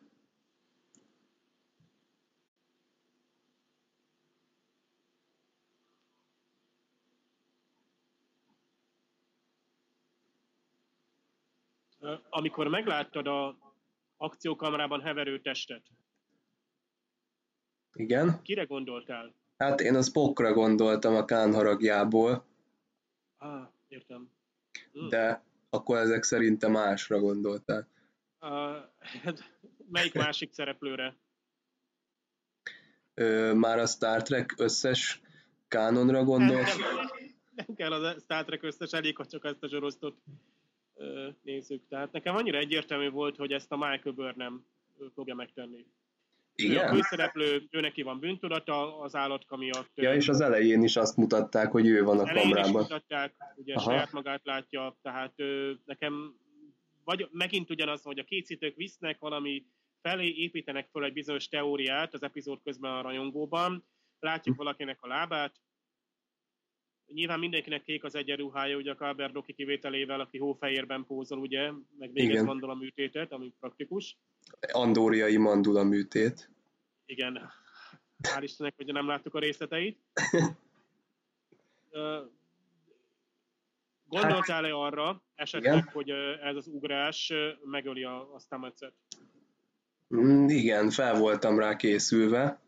Mi után már láttunk néhány epizódot váratlanul, néhány szereplőt váratlanul eltávozni. Igen, tehát én abszolút uh, számítok ilyenekre, tehát itt a készít... Már úgy ülsz le, tehát nyugtatókkal, pohár vízzel, és akkor... Hát én úgy vettem észre, hogy a készítőknek feltett szándéka az, hogy meglepjenek minket lépten nyomon. Uh, úgyhogy benne volt. Szerintem, hogy nem lépték meg, tehát nem mondták azt, hogy uh, ráadásul jó, a Stametsről egyre többet megtudtunk, de voltak éppen nem olyan fő karakter, mint ugye Michael Burnham. Tehát ha uh-huh. ő végzi fel ezt az önfeláldozást, ott kicsit nem biztos, hogy helyén való olyan szempontból, hogy, hogy tehát nem szükséges, hogy most ő ilyen mártír szerepbe kerüljön. Uh-huh. Sőt, ugye nagyon is szeretnénk tudni egyáltalán, hogy, hogy hogy hogyan alakul például. Tehát most már azért a fő karaktereket megismertük, és ott most már egyre kevésbé engednénk el az ő kezüket. Tehát a Landry parancsnok még mondjuk így, hát így most furcsán hangzik, vagy kegyetlenül, de ő még azért ideje korán távozott, tehát úgymond akkor még nem kötöttünk hozzá annyira, Igen. hogy annyira fájjon a, az elvesztése. Talán még ezt a Giorgio kapitányról is elmondhatjuk, de nyilvánvalóan egy pozitív karaktert ábrázoltak ő vele, tehát talán nyilván, hogy jobban hozzánőttünk, vagy megkedveltük őt, mint a, a, a Landrit. Tehát úgy látszik, ezeket el kell fogadnunk a, a... Utólag egy kicsit ö, nekem összeállt a kép, amikor a hídon Dr. Kulber és Stamets is jelen van, és Szarúval beszélgetnek, akkor Stamets azonnal azt mondja, hogy végre fogja hajtani a parancsot, amikor igen, arról van szó. Igen. igen, olyan, mintha már neki lett volna egy megoldása. Igen, és itt a Kulber az furcsán is néz rá, de nekem a második nézésnél akkor esett le, hogy a Stamets már olyan határozottan hagyja el a hidat, hogy szerintem ő neki a fejébe ez már így volt benne. Igen, egyenesen következik a, a jelleméből, tehát ő, ő egy, tehát őt a, a háború beszorította a, a, ugye a hadulat, itt a lorkát kiszolgáló pozícióba szűk hatáskörrel, kevés mozgástérrel és erkölcsileg megkérdezhető döntésekkel. Tehát ő is piszkos munkát végez, vagy kell végeznie, és most úgymond felszabadult, tehát most tesz egy olyan személyes, szabad saját döntést, ami, amivel ő egy ilyen ultimatív megoldást ad a, a helyzetre, és, és önmaga számára is gyakorlatilag egy felemelkedés, mert de belegondolunk, és itt egy picit sajnálom, egy picit sajnálom, hogy a mai grafikai eszközökkel nem éltek ezzel, hogy tényleg megfelelő módon ábrázolják azt, hogy vajon a, Stamets mit élt át, esetleg utólag, amikor elmesél, bár nyilván most a meglepetés eleje kellett, tehát csak utólag tudtuk meg, hogy ő csinálta meg az ugrást, uh-huh. de nagyon kíváncsi lennék, hogy ő mit látott. És nem úgymond ilyen kék villámokat nagyon remélem, uh-huh. mert uh, uh, itt, itt káprázatos dolgokat látott, a, ugye, tehát őnek ez volt az álma egyáltalán, egyáltalán, hogy a bombákkal kommunikáljon, a micérium hálózat, ugye az, az, az tehát egy olyan, ugye egyetlen egy elvont hely, tehát valahol meg szubtérétekben van, ami által ugye az egész univerzumra ö, kiterjed ugye a, a, a hatóköre, és így ugye ennek köszönhető ugorhatunk bárhova. Most ha ő ugye ezt az ugrást egyáltalán képes volt megtenni, tehát a tudata mivel gazdagodott, látványban mit élt át belül, mit látott. Láttuk, hogy ugye most már tudjuk, hogy a, a ugye Burnham is, amikor látta ezeket a különböző helyszíneket, amiket ugye a Lorca mutatott neki, gyakorlatilag ő is úgymond mondjuk úgy, hogy navigátorként volt használva. Tehát ugye a medvállatka is fizikailag az adott helyszínen maradt, és úgy hajtotta végre a hajóval az ugrást, ugye ezekben a szubtérítegekben, a micium hálózaton közlekedve, hogy ugye fizikailag ott maradt a hajón belül. Tehát úgymond a tudata utazott neki is. Kérdés, hogy mennyire tudatosan. Ezt talán reméljük, hogy a Stamets ezt kifejt, hogy ott voltak éppen ő mennyire tudatosan tudja ezt irányítani, mert ha most ő erre most ő tartósan képes lesz, akkor itt megint ő, egy önkéntes emberi alanyjal, akkor gyakorlatilag megint korlátlanok a, a lehetőségek, tehát hogy megint megnyílik egy út, amit majd lehet, hogy lezárnak megint. Mondjuk a Stametsnek esetleg lesznek mellékhatásai. Hát lehet, hogy lesznek. Lehet, Igen, hogy lesznek? Lehet, hogy lesznek. A következő jelenetben megjelenik Saru Burnhamnél, aki elvileg a kabinjában van most ítélve. Aztán elmondja neki, hogy már nem fél tőle, csak haragszik rá. Saru úgy látja ezt az egészet, hogy Burnham nyugodtan kaphatott volna egy parancsnokságot, mondjuk egy-két év után, és akkor ő lett volna Giorgio kapitány első tisztje. Ebben az esetben ugye neki is mindent megtanított volna a parancsnokságról, és akkor például egy ilyen szituációban, mint ami az adott napon lezajlott, már tapasztaltabb tudott volna lenni, és nem kellett volna a kompjúterhez segítségért fordulnia ilyen vezetői kérdésekben. Burnham átadja Georgiutól kapott távcsövet Szarunak, abból a célból, hogy olyan szemmel szemléje az univerzumot, mint ahogy a kapitány tette. Ugye Szaru utolsó parancsot ad ki Burnham számára, méghozzá azt, hogy mentse meg a medve állatkát.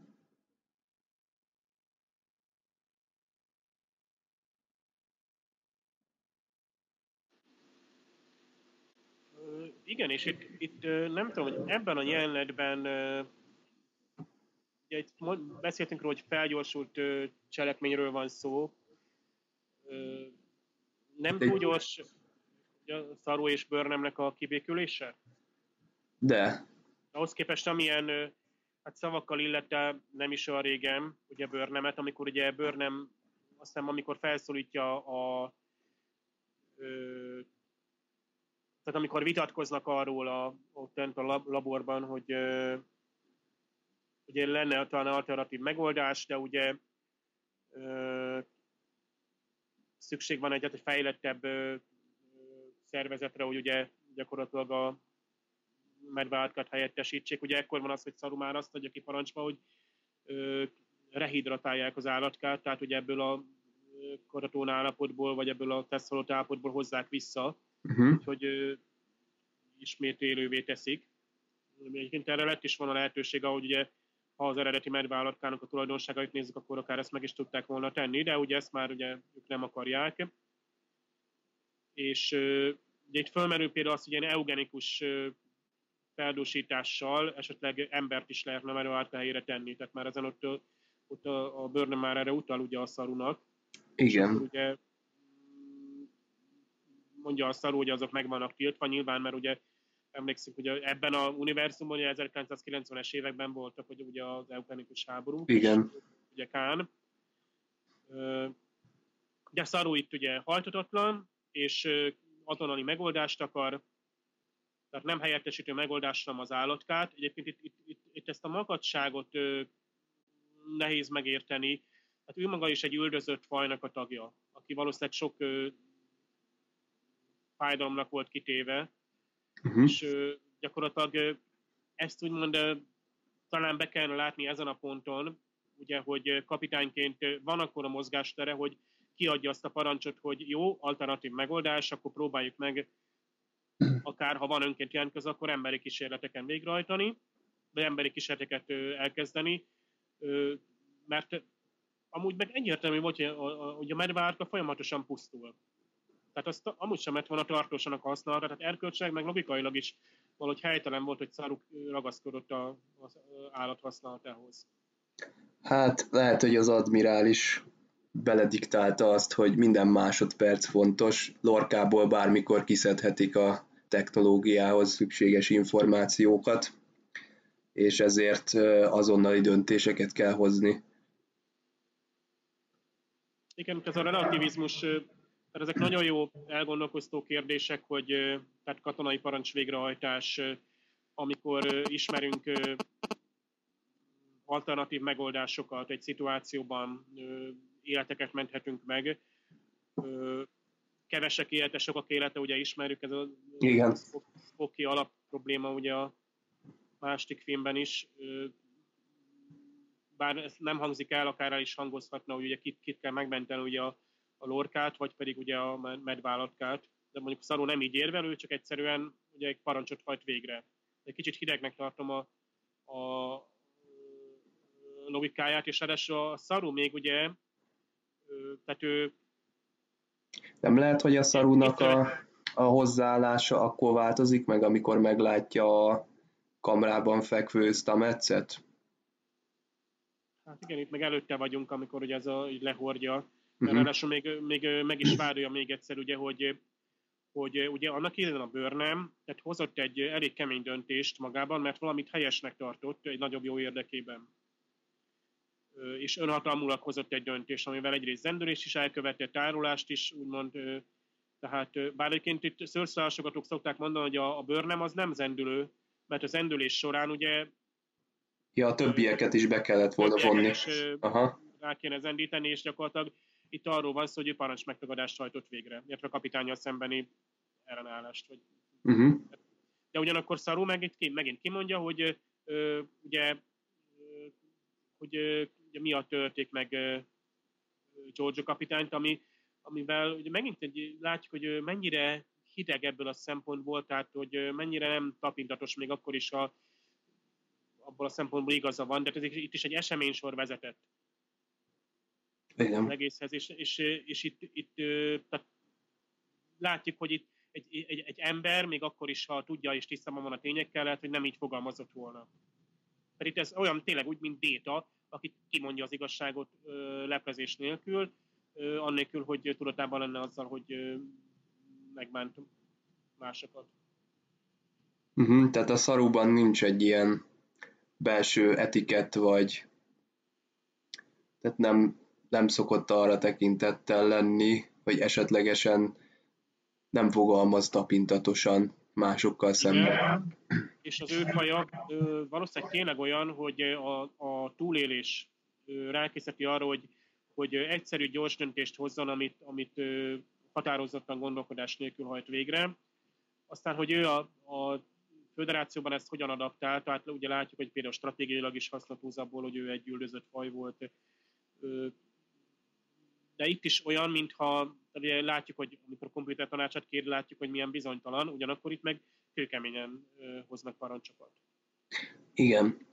Nekem ebből a jelenetből még egy, egy ö, dolog nagyon elgondolkodtatott, mégpedig az, hogy ha valaki nem akar feljebb lépni a ranglétrán, az másoknak az életére is mekkora hatással lehet. Én itt konkrétan ugye mindig a Rikerhez szoktam visszatérni, aki szintén abban a szituációban volt, hogy hát most már lehetne egy saját hajója, ugye fel is ajánlották neki, de ő mindig úgy döntött, hogy neki őt ide kötik ugye a barátai, szereti ezt a legénységet, ezt a hajót, ezért nem szeretne tovább lépni, viszont egy ilyen előléptetés most már jobban átlátom, hogy több embernek az előléptetésével jár együtt, és hogyha te a, ne adj Isten erre nemet mondasz, akkor lehet, hogy más embereknek az előmenetelét húzod keresztbe.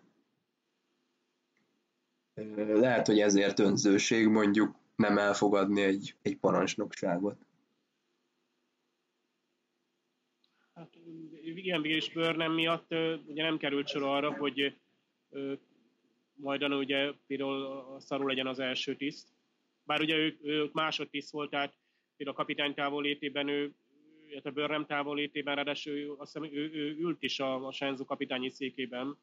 Igen. Tényleg ugye jelező volt, hogy ő igenis, ő majd feljebb lép a, a ranglétrán, meg hát egyáltalán olyan úgyis, úgyis ábrázolták őt, hogy, hogy tehát őt, őt halljuk a legtöbbször ugye a, a híron kommunikálni, hogy főtisztek. Hát jellemzően ez a triumvirátus látjuk, hogy ugye a, a George kapitány, a Michael Burnham és a Saru ugye alkot talán már egy jól összeszokott hármastól, és humor is megengedett, de ugyanakkor mindenkinek megvan a saját ö, ö, személyisége. Ugye addigra, addigra már a Burnham is ö, ugye szakít ezzel a vulkáni ridegséggel, amit uh-huh. egyébként itt újra elkezd, tehát itt, itt ö, az a baj, ez jelentősen lecsökkenti ugye a színészőnek a mozgásterét is, hogy például ugye még mindig az a rezignált, közönyös állapota van, pedig azért már itt, itt jócskán bekapcsolódott ugye a cselekményekbe, aktív részese a történteknek, tehát az ő döntései, véleménye már ugye hozzá is járult, tehát ő tüzeli fel ugye Tillit is, ugye, hogy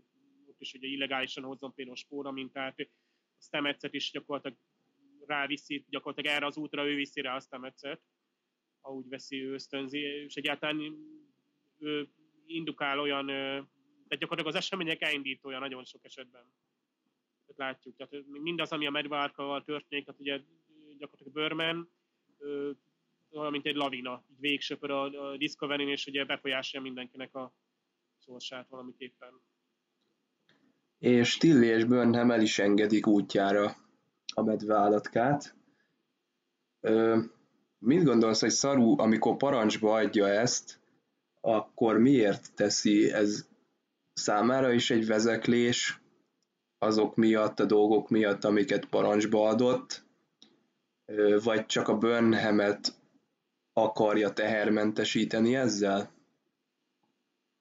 Tehát uh, itt ugye nyilvánvalóan az a kérdés, hogy mit fog majd ehhez szólni a Lorca, mit fog szólni ehhez a csillagflotta, hogy az egyetlen példányt azt így elengedik. Uh, Taru úgy tűnik, hogy magára vállalta ennek az egész balhénak a felelősségét.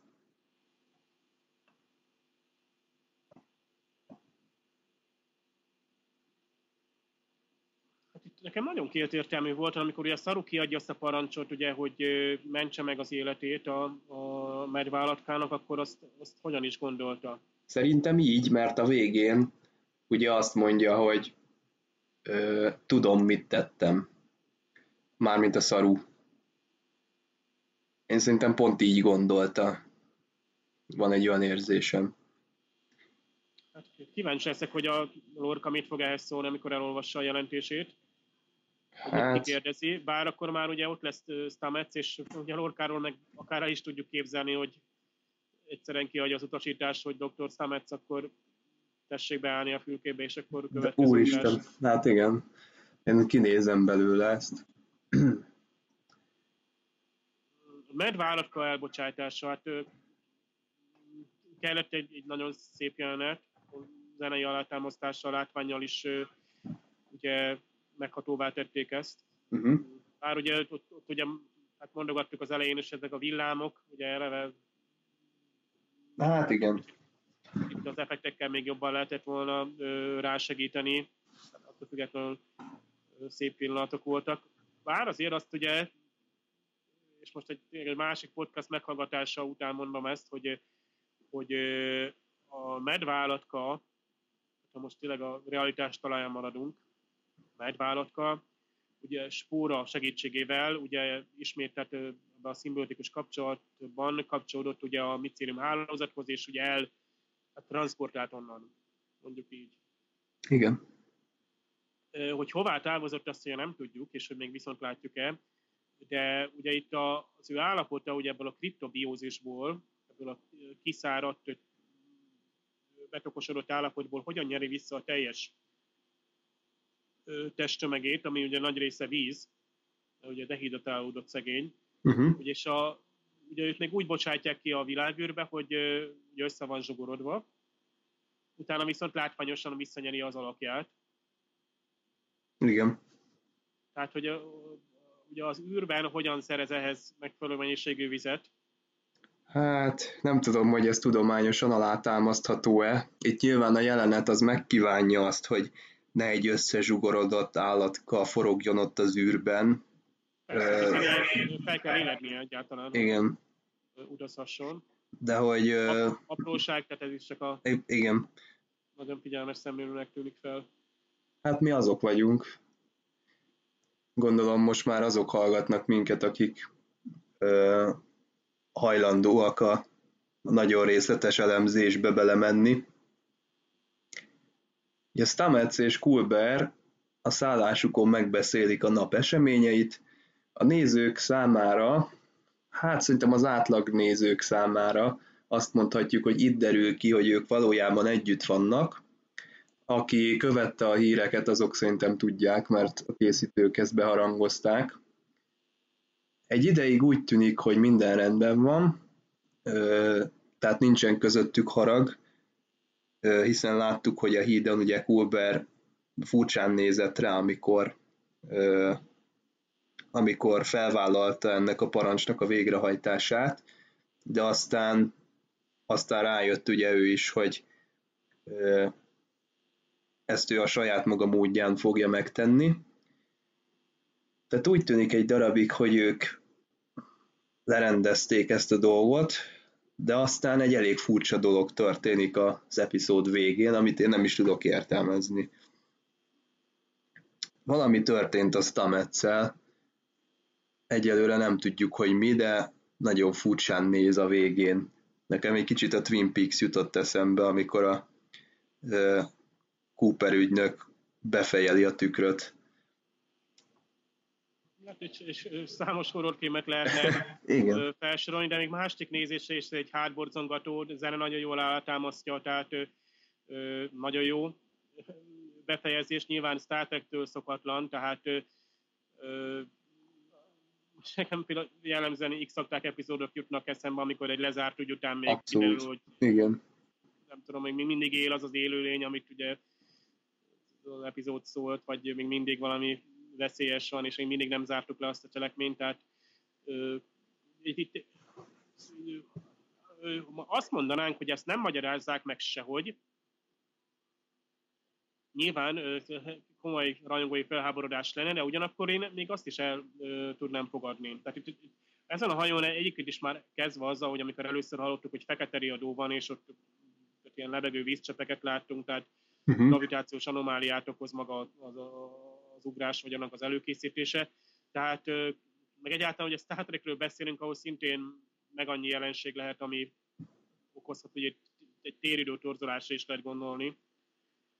Igen. Mm, és ugye, hát ugye minden rajongó ugye itt tükörről és tükröződésről beszélve, ugye már ugye, és akkor megyünk át a Conteo szekcióba. Igen, szép lassan, gondolom ugye, ezt majd kivesézzük, hogy mi lesz. Van, hogy mit jelenthet ez, hogy akkor mit láttunk, itt láttunk. Azóta már ugye még annak is olyan verziói merülnek fel, tehát azt, hát azt akkor szerintem majd akkor a másik részben azt kibeszéljük. Igen. A, Ugye az Ádámék is azt mondták, illetve itt a kibeszélő Facebookon arról volt szó, hogy ez a jelenet azért volt váratlan, meg hatásos, mert előtte ugye ez a kis lazacsevegés volt, és így hát úgymond elaltatták a nézőt, és nem vártuk azt, hogy ilyen rémisztő lesz a vége. Igen, igen, igen. Itt, itt például a, a, a nézőt egyrészt egy teljesen váratlan helyzetbe kerülünk már eleve azzal, hogy ugye a dr. Kábel és dr. Stamets egy párt alkotnak, akik ugye nem figyelték előtt a híreket, ők, ők nem tudtak arról, és a készítők még ügyesen el is rejtették ezt. Tehát Igen. egyáltalán nem derült ki, hogy, hogy bármi más is összeköti őket. Eleve fogmosás és fogkefét látni egy Star Trek sorozatban, az már jelentésségű. High-tech fogkefe volt legalább. Igen, tehát majd tehát hamarosan elkezdik gyártani. Igen. És egy ilyen licences kiadásban forgalmazni. Itt a fórumokon, illetve Facebookon többen őszintén megdöbbentek ezen a tényen, illetve sokaknak nem tetszett, hogy Stamets és Kulber együtt vannak. Most nem akarom ezt kizárólag a magyar rajongókra, meg a magyar nézőkre rávetíteni, mert hallottuk ugye a sorozat elején, hogy külföldi rajongók a főhősnek a bőrszínével sem voltak megelégedve. Mit gondolsz, hogy a Star Trek most is megelőzi a korát? Szerintem a Star Trek már csak követő. Uh-huh. És mondjuk úgy, hogy ugye az a diverzitás, amit ugye egyébként jelentősen be is harangoztak a, sorozat készítői, az, az teljesen természetesnek van ábrázolva. Uh-huh. Akár a, a, a két, két férfi tiszt együttélése, vagy éppenséggel a színes főszereplők, felmutatva azt, meg hát hányféle fajt láttunk már most a hídon, akiknek egyik meg sem magyarázták a küllemét vagy a származását.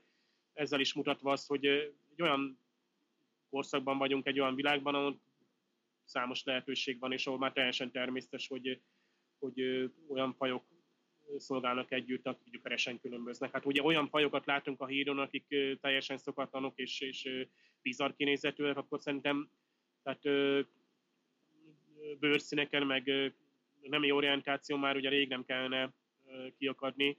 Főleg azért már, hogy megnézzük a mai sorozatokat, azok ugye, a, ugye teljesen nyíltan meg természetesen kezelik. Tehát itt is a készítők ezt mondták, hogy, hogy ez is csak egy egyetlen egy motívum, úgymond egy karakter vonása a, uh-huh. a szereplőink között, tehát nem erre megy készen, itt gyakorlatilag az öt epizódból ki sem derült, és nem is szárnak neki jelentőséget kapcsolatuk egyébként pont, hogy erkölcsi szempontból volt itt érdekes, hogy, hogy a, a Stametsnek például egyáltalán a vakmerőssége, azt ugye most ő vállalni kell a, a párja előtt, és ezt ugye nem egy helyzetben láttuk, hogy lásd, amikor szuperhős vagyok, és nem lehet ugye a hősnek ugye sosem lehet, nem ő kapja meg a, a nőt, mert ugye olyan Aha. szituációban van, ahol egyáltalán beszédbe sodorna bárkit, aki közel kerül hozzá. Tehát ugye itt ráadásul a Stameci egy most rossz döntést hoz, azzal még pár neki vívta volna ugye a, a párjának a haragját, aki ugye itt a életet támogató orvosként, ugye nyilván az állatka megmentésén páradozott. De szerencsére ez ugye elsimítódott, tehát sajátos szemszögben, nem mind a ketten ugyanazt akarták, hogy az állat túléljen, és nagyon jó, hogy ezt a meg nem az a elvakult tudós van, aki ugye mondjuk követi a kapitány parancsát, és előbb ő is ugye megszállottá válik ugye az állatkának a kutatásában, és ugye tovább ugye kínozza, hanem pont, hogy ugye ő lép a helyére, és hogy mondja hogy utólag, hogy milyen gyönyörű, szép volt, amit ugye a micérium hálózatban látott. És azt a pári elfogadja, hogy, hogy igenis hozott egy vakmerő döntést, de az által a saját szakmai erőmenetelében viszont elért egy olyan csúcspontra, amit tehát találunk, látunk egy jó kapcsolatot. Tehát teljesen mindegy, hogy itt egy itt lehetne, állhatna egy Klingon férfi és egy, egy Cardassier nő is, amit szintén bizarr módon tekintenénk, ha őket látnánk egy párnak, és eres, akik mondjuk egy harmonikus kapcsolatban vannak. Igen. Hát, nyugodtan túl lehet lendülni, és a Star Trek már régen nem hoz ezzel újdonságot. Igen. Az idegen fajokkal se, tehát ha csak azt mondjuk, hogy a másik nagy ugye, univerzumon, a Star Wars-ban is tele van olyan idegen fajjal, akit meg sem magyaráznak, hogy ő miért úgy néz ki, és miért úgy cselekszik, de a nyelvét azt értjük valamilyen módon. Igen, tehát én is azon nagyon meglepődtem, hogy valaki ezen nagyon meglepődik. Így tudnám jól leírni. Nekem még egy észrevételem van. A múltkor ugye beszéltünk a főcímről, most beszéljünk a végső stáblistáról. Ugye jól látom, hogy ez az első olyan Star Trek sorozat, eltekintve az eredeti sorozattól és a rajzfilm sorozattól, ahol nem látjuk a csillagokat a végső stáblistánál. Hú, hát ezzel most újat mondtál. Ugye a, a Netflixen nézve, hogy sajnálatos módon a, ott semmit se látunk. Felület, csökkenti a stáblistának a méretét már a következő uh-huh. műsorokat ajánlva, például az After Track show-t. De ha rákattintasz, utána vissza, vissza tudod tenni full screenre. Hm. Elég engem félrevezetett a Netflix, bár egy, egy pár évvel ezelőtt is volt előfizetésem, és uh-huh. akkor azt hiszem tényleg csináltam ezt a rákattintást, amikor érdekelt, például a szinkronhangokat is kéri a nemzetközi szinkronhangokat a legvégén, és akkor az ember ott ugye irigykedve látja, hogy nem is tudom, francia hangok, meg nem is tudom, milyen. Igen, igen. Hát most uh, ugye az a lényeg, hogy nincsenek csillagok, tehát e, ebben is rendhagyó ez az új Star Trek sorozat. Egyébként az elején mondtad, hogy kétszer nézted meg, én is kétszer. Én ugye rögtön a premier napján hétfőn este szoktam, illetve még most szombaton délelőtt, de azt már magyar felirattal néztem meg. Ezúton is köszönjük a fordítóknak. Így van, a fordítók munkáját én külön megdicsérem, hát például itt a, ugye a német, tehát is én felirattal szoktam nézni, és mind a német kiejtésben, mind a feliratban AUK-ról beszélnek, ugye a asztronómiai egység, ugye a földnap távolság, mint alapegység, no de magyarban ott van a CE volt ugye a rövidítésben. Igen, igen. Tehát nagyon szépen vissza volt. Jó volt. Németek ugye ezzel nem törődtek, mert is nem hiszem, hogy a németek ugye aut mondanának egyébként. Tehát azért annyira nem veszik át az angol kifejezést, itt egyszerűen slampos volt ott az ottani feliratkészítő, aki ráadásul valószínűleg egy fizetett, ugye Netflix által megfizetett, ugye a szinkron dramaturg, illetőleg a fordító, tehát itt külön dicséret a a, a fordítóknak. Hát én nem tudom, itt most spontán felvetődött, hogy esetleg majd egyszer egy olyan podcastot tartani, hogy esetleg a fordítókat így meghívni. Meghívhatjuk őket, Ezt teljesen nyugodtan. Hogy, hogy milyen Star Trek élményeik vannak, honnan van az, ez a lelkesedés tényleg, hogy és tényleg néhány napon belül ők szállítják a friss feliratokat. Egyébként az Orville-nél is elmondhatjuk, most nem is tudom, hogy közös táb dolgozik-e rajta, vannak talán ismétlődő nevek. Azért nem akarok most már rosszul ejteném, vagy nem mondanám pontosan, ezért majd esetleg majd ezt később megnézzük. De uh-huh. mindenképpen köszönjük, tehát a gyorsaságot, meg a pontosságot, ezt nagyon, nagyon, a rajongók nagyon értékelik, és uh, szerintem érdemes mindenképp a magyar felirattal is végigkövetni. Hát nyilván, ha csak nem valakinek annyira jó az angolja, hogy az angol felirat, bár nem tudom, hogy itt például az angol felirat az szó szerintie, vagy pedig csak egy ilyen összefoglaló, mert azért kétféle felirat típus van angolból is. A szó szerinti feliratok ugye azért jók, mert ott az összes köhintés és legrövidebb... az a hallássérült fajta felirat? Tudom, az, Aha. az a closed caption, vagy nem is tudom, az Szerintem a, az az. Aha. Mert az viszont abból a szempontból hasznos, hogy például kifejezetten, aki még úgy tanulja a nyelvet, tehát nyilván már azért egy középfokon túl van, de azért nem ért mindent, hogy tényleg sokat megvilágítva a felirattal szimultán látja, tehát a feliratot is látja. Uh-huh. Irigykedés megint, irigykedés, hogy a, az After Track show műsornak immáron nem csak angol felirata van, ami persze sokat segít, hanem ugye ott már van francia, kínai, oh. arab és lengyel felirat is. Na, hát akkor hát, magyaron kívül... Mondjak, hogy lépjünk már, esetleg ebben az ügyben, nem tudom, hogy, hogy tényleg a, aki a fő sorosztot fordítja, esetleg lenne kedve ehhez. Nyilván, hogy ott sokkal hamarabb veszít az aktualitásából, hiszen az adott részt tárgyalják ki a, a, a készítők. Ugye, ugye a Matt Myra, vagy Matt Mira, ugye a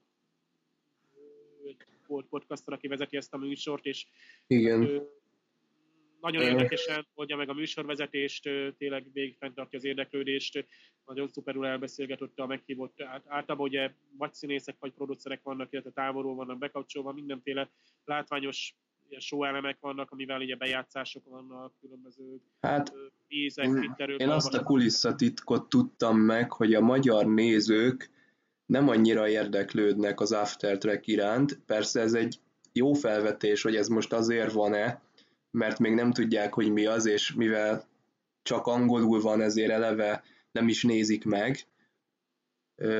Hogyha megnéznék, akkor lehet, hogy jobban keresnék, illetve jobban érdeklődnének, de jelen pillanatban az a szoború helyzet, hogy nem keresik az aftertracket.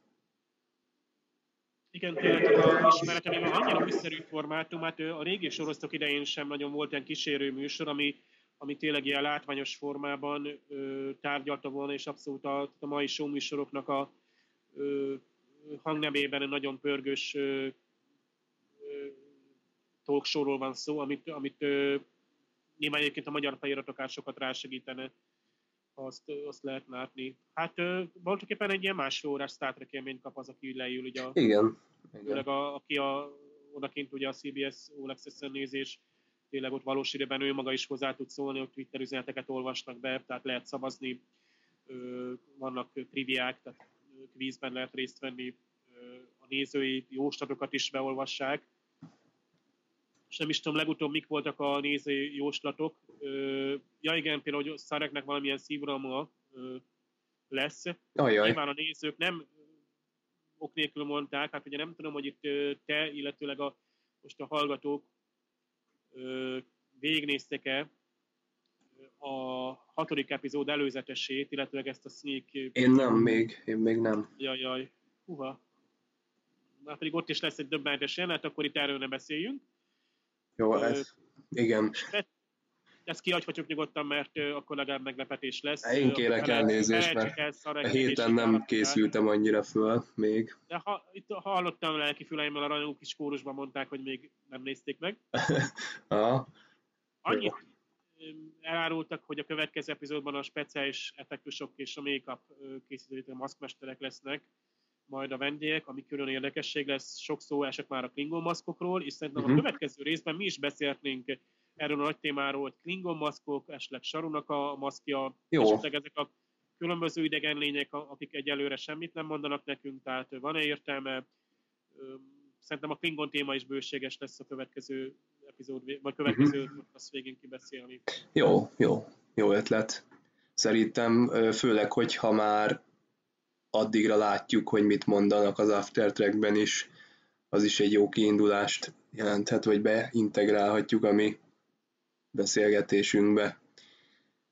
Annyit esetleg elmondok, hogy ebben az Aftertrack adásban a, a, a, a Lörelt alakító, illetve a Colt alakító színész, tehát színész, illetve színész volt jelen, és például beszéltek a Klingon maszkoknak a viseléséről, hogy gyakorlatilag tehát 17 órán át kell akár viselni, gyakorlatilag hajnali 3-4 órásik elések után csak inni tudnak, miközben ugye a föderációs színészek közel lazán ugye telefonoznak, sztorikat mesélgetnek, szendvicseket majd Hát igen, meg nekik ők ugye nem nagyon... egyenruhájuk is kényelmesebb. Így van, itt nagyon nehéz. Egyenruhában vannak ráadásul. De azt is mondjuk el akkor, hogy te viszont szoktál uh, hírt adni az Aftertrackről cikkek formájában is, uh, úgyhogy azt is javasoljuk, űrszekerekblog.hu, keressétek az Aftertrack híreinket egy olyan kiindulást adok címnek, hogy Aftertrack, a heti kibeszélő show, amire már régen vártunk. De talán van ilyen címkénk is, hogy Aftertrack, ezt majd meg kell nézni. Oké, okay, azt hiszem, hogy kibeszéltünk mindent. Egyéb hozzáfűzni való részedről.